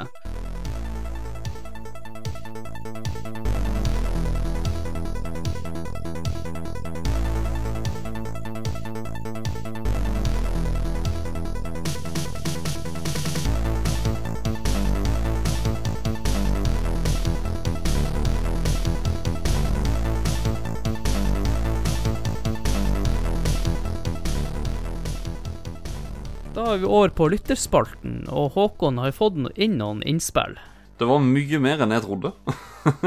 Men jeg var jo også så lurt å dele på eh, Commodore slash Amiga Norge-gruppa. Så eh, selvfølgelig kom det jo eh, Kom det noen folk der òg og skrev. Ok, så det er ikke bare inne på sida vår, så Å, Det, dæven. det, ok. det er tre andre, men så er det noen som har kommet derifra. og Gått innover på, på, på sida vår og, kommentert der. da kan jo begynne da med Torbjørn eh, Prus Skow. Eh, oh man! Jeg fikk Amiga 500 med, fem, eh, med 500 kilobyte ekstra ram av folka i 1990. Hvordan to sykepleiere hadde råd til 11 500 kroner til sønnen, aner, eh, aner jeg ikke. Det var en nydelig verden. Masse folk i nabolaget hadde det også. Eh, så det var bare å heise piratflagget og kopiere i vei. Fikk heldigvis ekstra eh, diskettstasjon etter hvert, og da begynte X-Copy nærmest å ryke. Eh, Spilte i starten Crazy Zoo, Rick Dangerous, Kickoff 2, Civilization, North and South, Lemmings, Eye of the Beholder 2, Impossible Mission, Dune 1, Rainbow Island og mange flere. Alle kopiert. Men hovedgrunnen til at jeg eh, ville ha maskinen, var The Secret of the Monkey Island. Eh, Som jeg fikk til jul i original form, overkommelig fire DD-disketter. Og året etter Lee Chucks Revenge, eller LeChucks Revenge, med kronglete elleve disketter. Har masse nostalgi med Amigas, Workbench 1,3,2 og alt, men det ble litt enklere da 486 noen år etter og spilte fletta av eh, Colonization. Aldri hørt om. Det er de som lagde Civilization, hvis jeg husker rett. Det var mer sånn, Du var på det amerikanske kontinentet. Eh, Ah, Skulle kolonisere eh, Amerika. Jeg tror ikke jeg hadde ett originalt spill, by the way. Han nevner piratflagget. Jeg skal da spørre deg, hvor mange originale spill kjøpte dere egentlig? Jeg hadde fem eller seks eller sånt til sammen, tror jeg. Jeg kan, jeg kan, eh, jeg kan liste ja, Station hadde jeg. Jeg hadde Blob var et spill jeg hadde. Jeg hadde Dune 2, selvfølgelig. Dune 2 var helt fantastisk. Uh, jeg kom ikke på flere. Hadde nok noe annet smått. Noe sånn eh, billigspill som man eh, fant i billighylla på uh, Hva het den? Spiderman? Nei, jeg er usikker. Et eller annet sånt. Ja, Spiderman. Ja, jeg husker ikke om det var det som var det, Ja. men det kan hende. Det kan hende. Vi går over til Trond Sinnfor Borgersen. Amiga er fortsatt gøy, men noen spill har ikke holdt seg like godt. Jeg har mange gode minner fra da vi fikk Amiga 500 inn i hus. Vi måtte spørre pent pappa eh, om lov til å bruke den, fordi, eh, fordi den, var, den var så dyr. Men etter hvert ble den mindre og mindre brukt av pappa, og vi brødrene eh, vi brødrene Brothers eh, tok over uh, og spilte alt som var å spille. Det gikk mye i Shadow of the Beast, uh, Kickoff 2, Lotus 2, Indie Heat, Ports of Call, Player Manager, Zack McCracken osv. osv. Vi hadde ofte kompiser på besøk og spilte toplayerspill på rundgang som North and South. Boom! Som jeg nevnte i stad. Det er bra. Sterkeste minnet er nok når jeg rundet Shadow of the Beast uten juks. Det var sykt vanskelig. Så legger han med et lite bilde her av eh, et bilde som jeg kjenner igjen på tittelen, for det så jeg bilder av når jeg så noen sånne topplister. Hollywood Poker, altså et strippepokerspill. Og det vet jeg at han har opptil flere ganger så har eh, Trond runda det. Han, eh, han har nevnt det. Runda det, ja. Yes, da er det få, få av uh, alt tøyet på de her eh, frøkene som ligger der. På den tida så trengte man bare piksler. Trengte Neida. ikke noe mer. Verre òg. Ja, ja, ja. Christian Skjessem. Um, min første opplevelse med Amiga var nær traumatisk. Uh, jeg fikk A500 til, jul, til jul i 1987 av min farmor. Jeg husker jeg var så gira når jeg kobla den opp og slo på. Um, skjermbildet var bare grønt. Jeg har i ettertid sett at green screen er et kjent fenomen. Det ble en lang jul å vente uh, før jeg fikk levert den inn igjen i romjulen, og det gikk ytterligere et par uker før jeg fikk den tilbake igjen. Eh, I dag hadde man selvfølgelig bare fått en ny maskin samme dag, men denne gang så måtte ting repareres. Eh, det var ikke snakk om bare få med en med en gang. Da skriver han i en kommentar under her bare at eh, Erlend, kan du i kort trekk forklare hva er årsaken til green screen of death? For my peace of mind. Oi, herregud. Kristian eh, har jo faktisk kjøpt en Amiga 1200 av meg.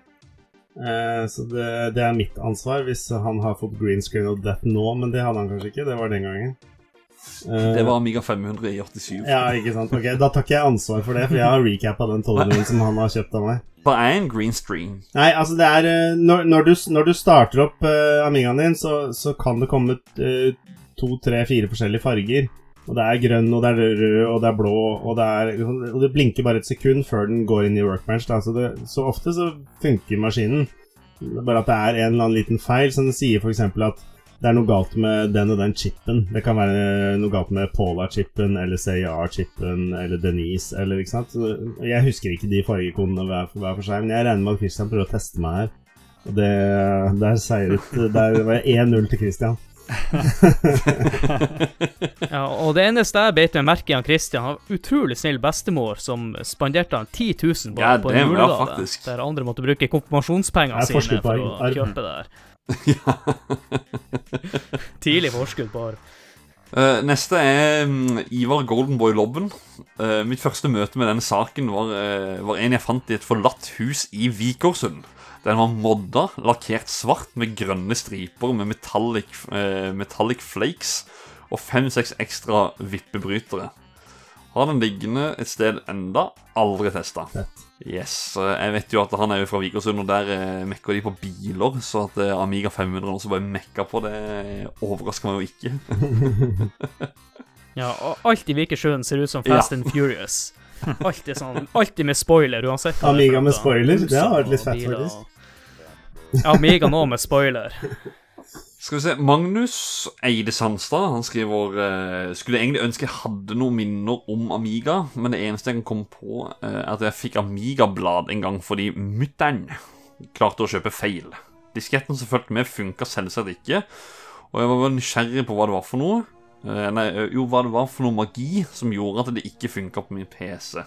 I mange år før jeg forsto at det var til en helt annen type datamaskin. Og så spør han om den enkleste måten på å emulere Amiga nå.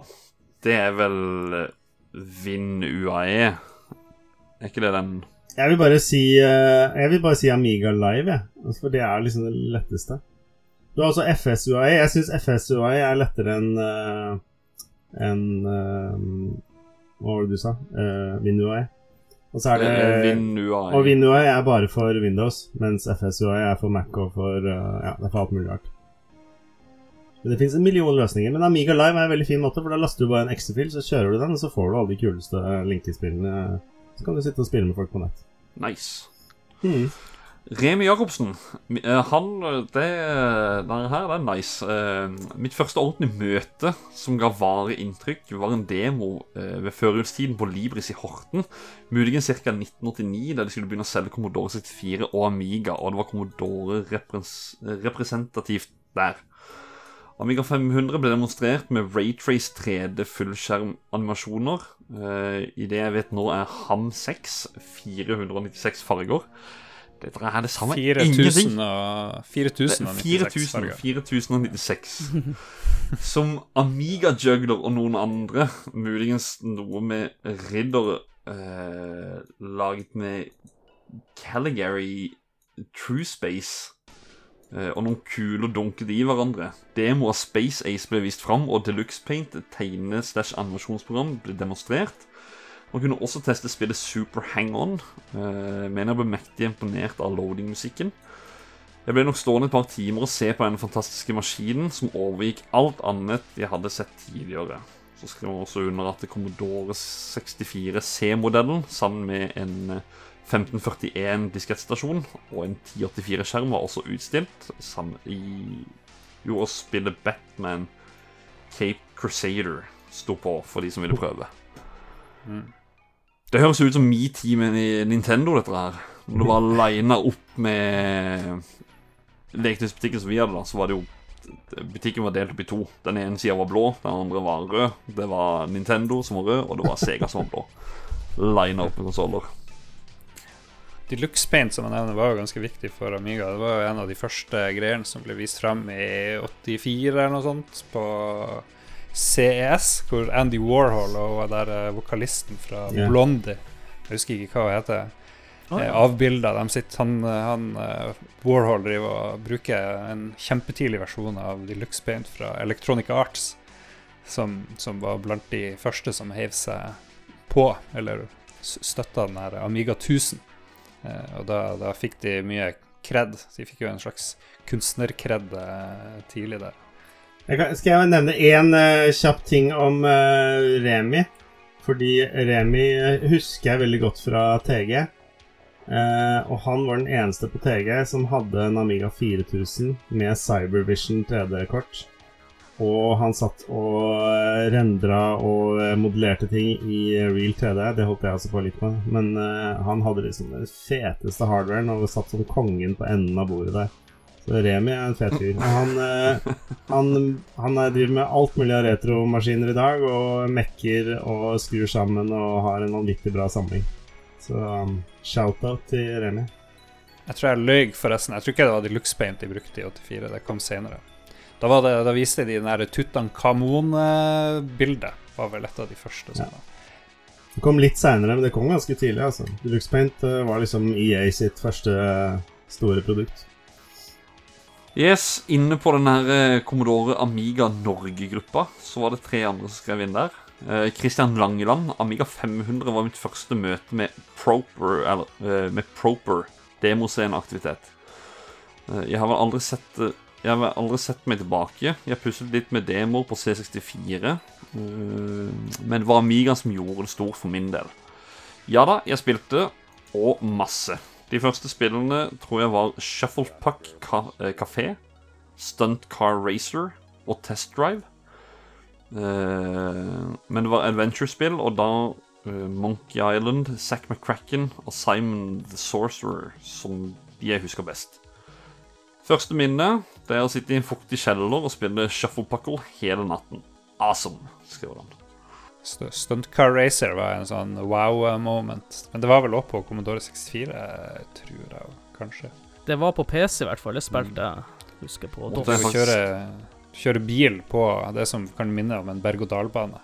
Jeg måtte google Shufflepuck-kafé. Det, det har jeg spilt bare i annen versjon. Med samme type spill, da. Ja, Stunt Car Racer til DOS husker jeg i hvert fall at du kunne velge mellom flere forskjellige typer biler. Trengte bare én Det bil. kan du også linke, forresten, med Amiga Live. Stunt Car Racer. Det er Ja. gøy. Lars Fredriksen. Jeg hadde hatt en liten pause fra Commodore i 9. klasse etter at min C64 røyk pga. den vanlige feilen i strømforsyningen. Hadde kjøpt en C128, men det ble ikke helt det samme, og interessen var uansett dalende eh, til fordel for andre hobbyer og aktiviteter. Litt før jul i første klasse på gymnaset var jeg på besøk hos en klassekompis. Eh, Jeg fikk testet Take 'em Out, og så var det gjort. La ut uh, rubrikkannonse og stempet C128. Uh, angrer selvfølgelig på det nå. Og bestilte en Amiga 500. Har gamet på Amiga 500 siden det. Eh, Jeg bodde også et par år i USA og satt annonse i svenske datormagasiner. Husker det var så godt, så godt som daglig bunker i postkassa med PD-disker. Eh, Public for- domain. Public dom... Ja, jeg hadde lyst til å Det er spørre det vi er kaller sharer i dag. da, liksom Det het public domain den gangen. Er litt andre rettigheter også. Ja, ok. Men med for mye jobb så jeg lagt aktiviteten på hylla. Kodet mye basic på VIC-20 og C64, men var så ung at jeg ikke hadde sjans på assembly på egen hånd. eh, Og uten tilgang til lærebøker eller blader. På Amiga 500 eh, var det ikke like tilgjengelig å kode basic inne i Workbench, eh, så jeg kom uheldigvis aldri ut av startgropa på maskinkodereisen. Eh, Jeg husker jeg skrev noen spill i Basic på 64, men de ble ekstremt enkle, siden jeg ikke kunne verken pike joystick eh, eller hadde konsept om hvordan en game loop burde fungere. Det er sånn som er way too advanced for meg, fordi bare det å starte spill for meg på Commodore 64, det var sånn holy shit, jeg klarte det. Når det var noe 8,1 stjerne Da var jeg bare Yes, nå, Det vi. turboloader. I'm good. Ja. Nei, det var Jeg prøvde faktisk med sånn Jeg har en eh, 1541 eh, diskettstasjon.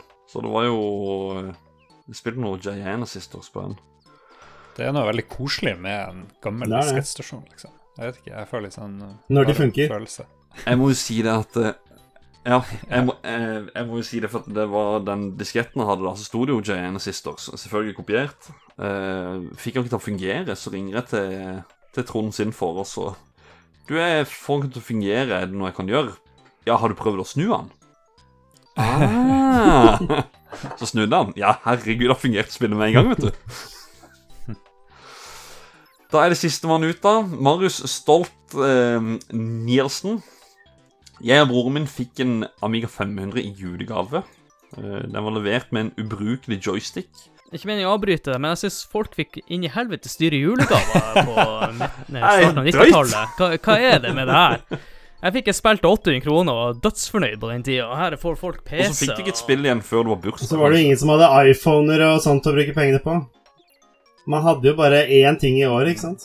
Ja, men 10 000 i 1990, det er noe annet enn 10 000 i dag. Og jeg mener fortsatt at 10 000 i dag er for mye i julegave til unger. På... Definitivt. Ja, OK, nå høres det ut som en gammel, bitter mann her. men- Jo, men herregud, jeg, jeg er jo, jeg er jo helt enig. Jeg er jo helt enig. Men jo, han fikk i hvert fall Han og broren fikk en 500 uh, med en ubrukelig joystick. Og det fulgte også med et motorsykkelspill som han gikk uh, uh, Som jeg aldri spilte mer enn et par ganger. Og øh, fantastiske øh, Lotus øh, Esprit Turbo Challenge. Fikk raskt tak i en Competition Pro joystick og mange flere spill. Favorittspill? Ja, da var det flere. Brukte vel mest tid på Pirates, Lotus, Supercars, Monkey Island-serien og Simon the Sorcerer. Eh, men mest av alt sens Sensible Soccer. Nei, Sensible World of Soccer. Eh, det må være mitt absolutt favorittspill. Kunne til og med spille femtedivisjon fra El Salvador. Om jeg minnes riktig. Mange, mange gode minner fra Amiga. Og det sjokkerer meg at uh, Sensible Soccer, et fotballspill, ofte ligger på topplistene til Amiga. Ja, men det går jo så kjapt, og det er et bra fotballspill, for jeg er jo en fotballspillnerd. Ja, men det er sånn, Du ser jo ikke Fifa. Fifa topper ikke noen sånn topp ti-lister nå. Nei, nei, men Sensible Soccer det har jo et stort miljø Ja, ennå. det oppdateres faktisk fortsatt. Det lages, uh, lages uh, nye oppdaterte. De oppdaterer med lagene hvert eneste år. De nye lagene som er Ah, så fett. Det gjør de jo Ja, de gjør det med mm, amerikansk fotball på, på Nes. Der er de også på Det oppdaterer de hvert år til Det er et utrolig bra fotballspill, da. Jeg skjønner at jeg er nødt til å prøve det, da. Ja, det er kjempebra. Men det var utrolig morsomt å få så mange lyttebidrag, og jeg syns jo alltid det er litt morsomt å høre deres historie når de, bak, når de fikk eh, konsoller eller eh, Amiga i dette tilfellet, osv. Så så blir du veldig misunnelig òg, når du hører den historien. Ja, i hvert fall eh, Jeg må spørre foreldrene mine litt senere hvorfor fikk ikke jeg så dyre julegaver når alle andre fikk det. Ja, jeg skal ringe til pappa etterpå og si bare Du, hallo, Hva faen? hva skjedde? Jeg leser folk fikk en hel PC her. Hva var det jeg fikk for noe? Super Mario 3? Hæ? Jeg skal lage regnestykke 10 000 hvert år, og så sender jeg regning til faderen. og Må betale. Og med det så tenker jeg vi må jo bare plugge raskt podkasten her. eh. Gjerne lik spill på Facebook-sida. Da har du muligheten til å sende lyttebidrag som eh, vi tar opp i enkelte episoder. Så gjerne sjekk også ut Discord-kanalen til spill. spill. Og så vil jeg også oppfordre folk til å eh, teste ut spillklubben som han Håkon holder på med, som er månedlige eh, utfordringer. Og hva er utfordringen Ja. denne måneden? I juni, i. Spillklubben, altså det, Nå har vi Vi har to typer challenges. Det er månedens rundings og månedens highscore. Så for hver måned så, eh, så er det nye spill. Denne måneden her så er det Joust, Arkadeversjonen, som er highscore. Og så rundings, da er det Super Mario Allstars.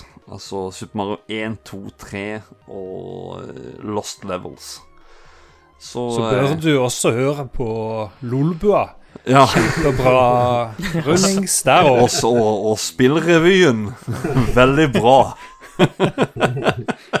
Ja, sjekk dem ut. Jeg tenker det, det er veldig flott. Nei, så er det jo Jeg, jeg må også bare si det til folk som har sjekka ut spillklubben, og så kanskje hører på denne casen her. Det er ingen krav til at du runder spillene. Det er det om at du hiver deg på ballen, og så prøver du også å være med og runde spillet. For det er veldig mange som tror at du er nødt til å runde det. Og hvis ikke du klarer å runde det, så, så Nei, da blir det ikke med. Men eh, hiv deg på, utfordre deg sjøl. Nå er det snakk om Super Mario Allstars, og da er det uten warps. Altså ikke cheate det eh, noen vei fremover. Så du skal gå gjennom alle banene. Og da er det plutselig litt vanskeligere. Nå, nå har vi fleipa veldig mye Håkon her med at vi skal prøve å ha korte outroer, men uh, Nei, det kommer det. noen opptaksversjoner det, tror jeg. Og siden vi plugga både Lolbua og Spillrevyen, så må vi også plugge den podkasten jeg og du er med i, som vi nesten aldri nevner i spill. Som er søsterpodkasten vår, Mm. Sidelinja. Som ikke handler noe om spill i hele tatt. Mest eh, Ja. tullprat. Så godt som. Og med det så vil jeg bare si tusen takk til eh, deg, Lars Rikard, for at du kunne være med. Takk for å bli invitert. Det var utrolig gøy å mimre litt om eh, gode, gamle dager. Føler du at du fikk eh, brukt dine ekspertferdigheter og kunnskap i Jeg er veldig glad for at Erlend er med. Fikk si du sånn. tømt deg? Eh, kunne, bare, kunne jeg bare sende ordet videre hvis det var noe jeg tenkte på. Ja, Og uh, tusen takk Ja, for at du kunne være bare med. hyggelig. Får jeg lov å plugge uh, Naug også? Ja da, plugg i vei. Nesodden Amiga User Group. Vi er en liten Facebook-gruppe som du kan bli med hvis du er uh, Hvis du er grei og maser mye. Vi har ikke så veldig mange medlemmer. Men hovedeventene våre er Vi har noe som heter Retrobitfix, som skjer ute på Nesodden. Hvor folk kan ta med seg all mulig av gammel hardware. Og så har vi et, omtrent et ja, 12-13-14-15 timer hvor vi sitter og Først så mekker vi gjerne litt på gamle maskiner. Skrur dem fra hverandre, prøver å finne ut av hva som er galt. Gir opp, skrur dem sammen igjen. Eh, og så har vi masse konkurranser. Så har vi storskjerm med lerret og sånn. Spiller Lotus, spiller uh, Sensible Words of Soccer. Vi spiller uh, alle mulige PD-spill og sånn. Favoritter til folk man kan stemme på forhånd. Og det pleier vi å annonsere på Facebook og ja, streamen til Lolbua får vi lov å ikke streamen, discorden til Lolbua har vi fått lov å annonsere et par ganger. Og der er det bare å komme. Det er mange som tror at det er liksom eh, høyt tak for å komme dit, for det er ute på Nesodden, men det er altså Oslo og Nesodden, det er hånd i hanske, si. Hånd i rett ved siden av hverandre. Så det er bare å sitte på noen man, med noen man kjenner.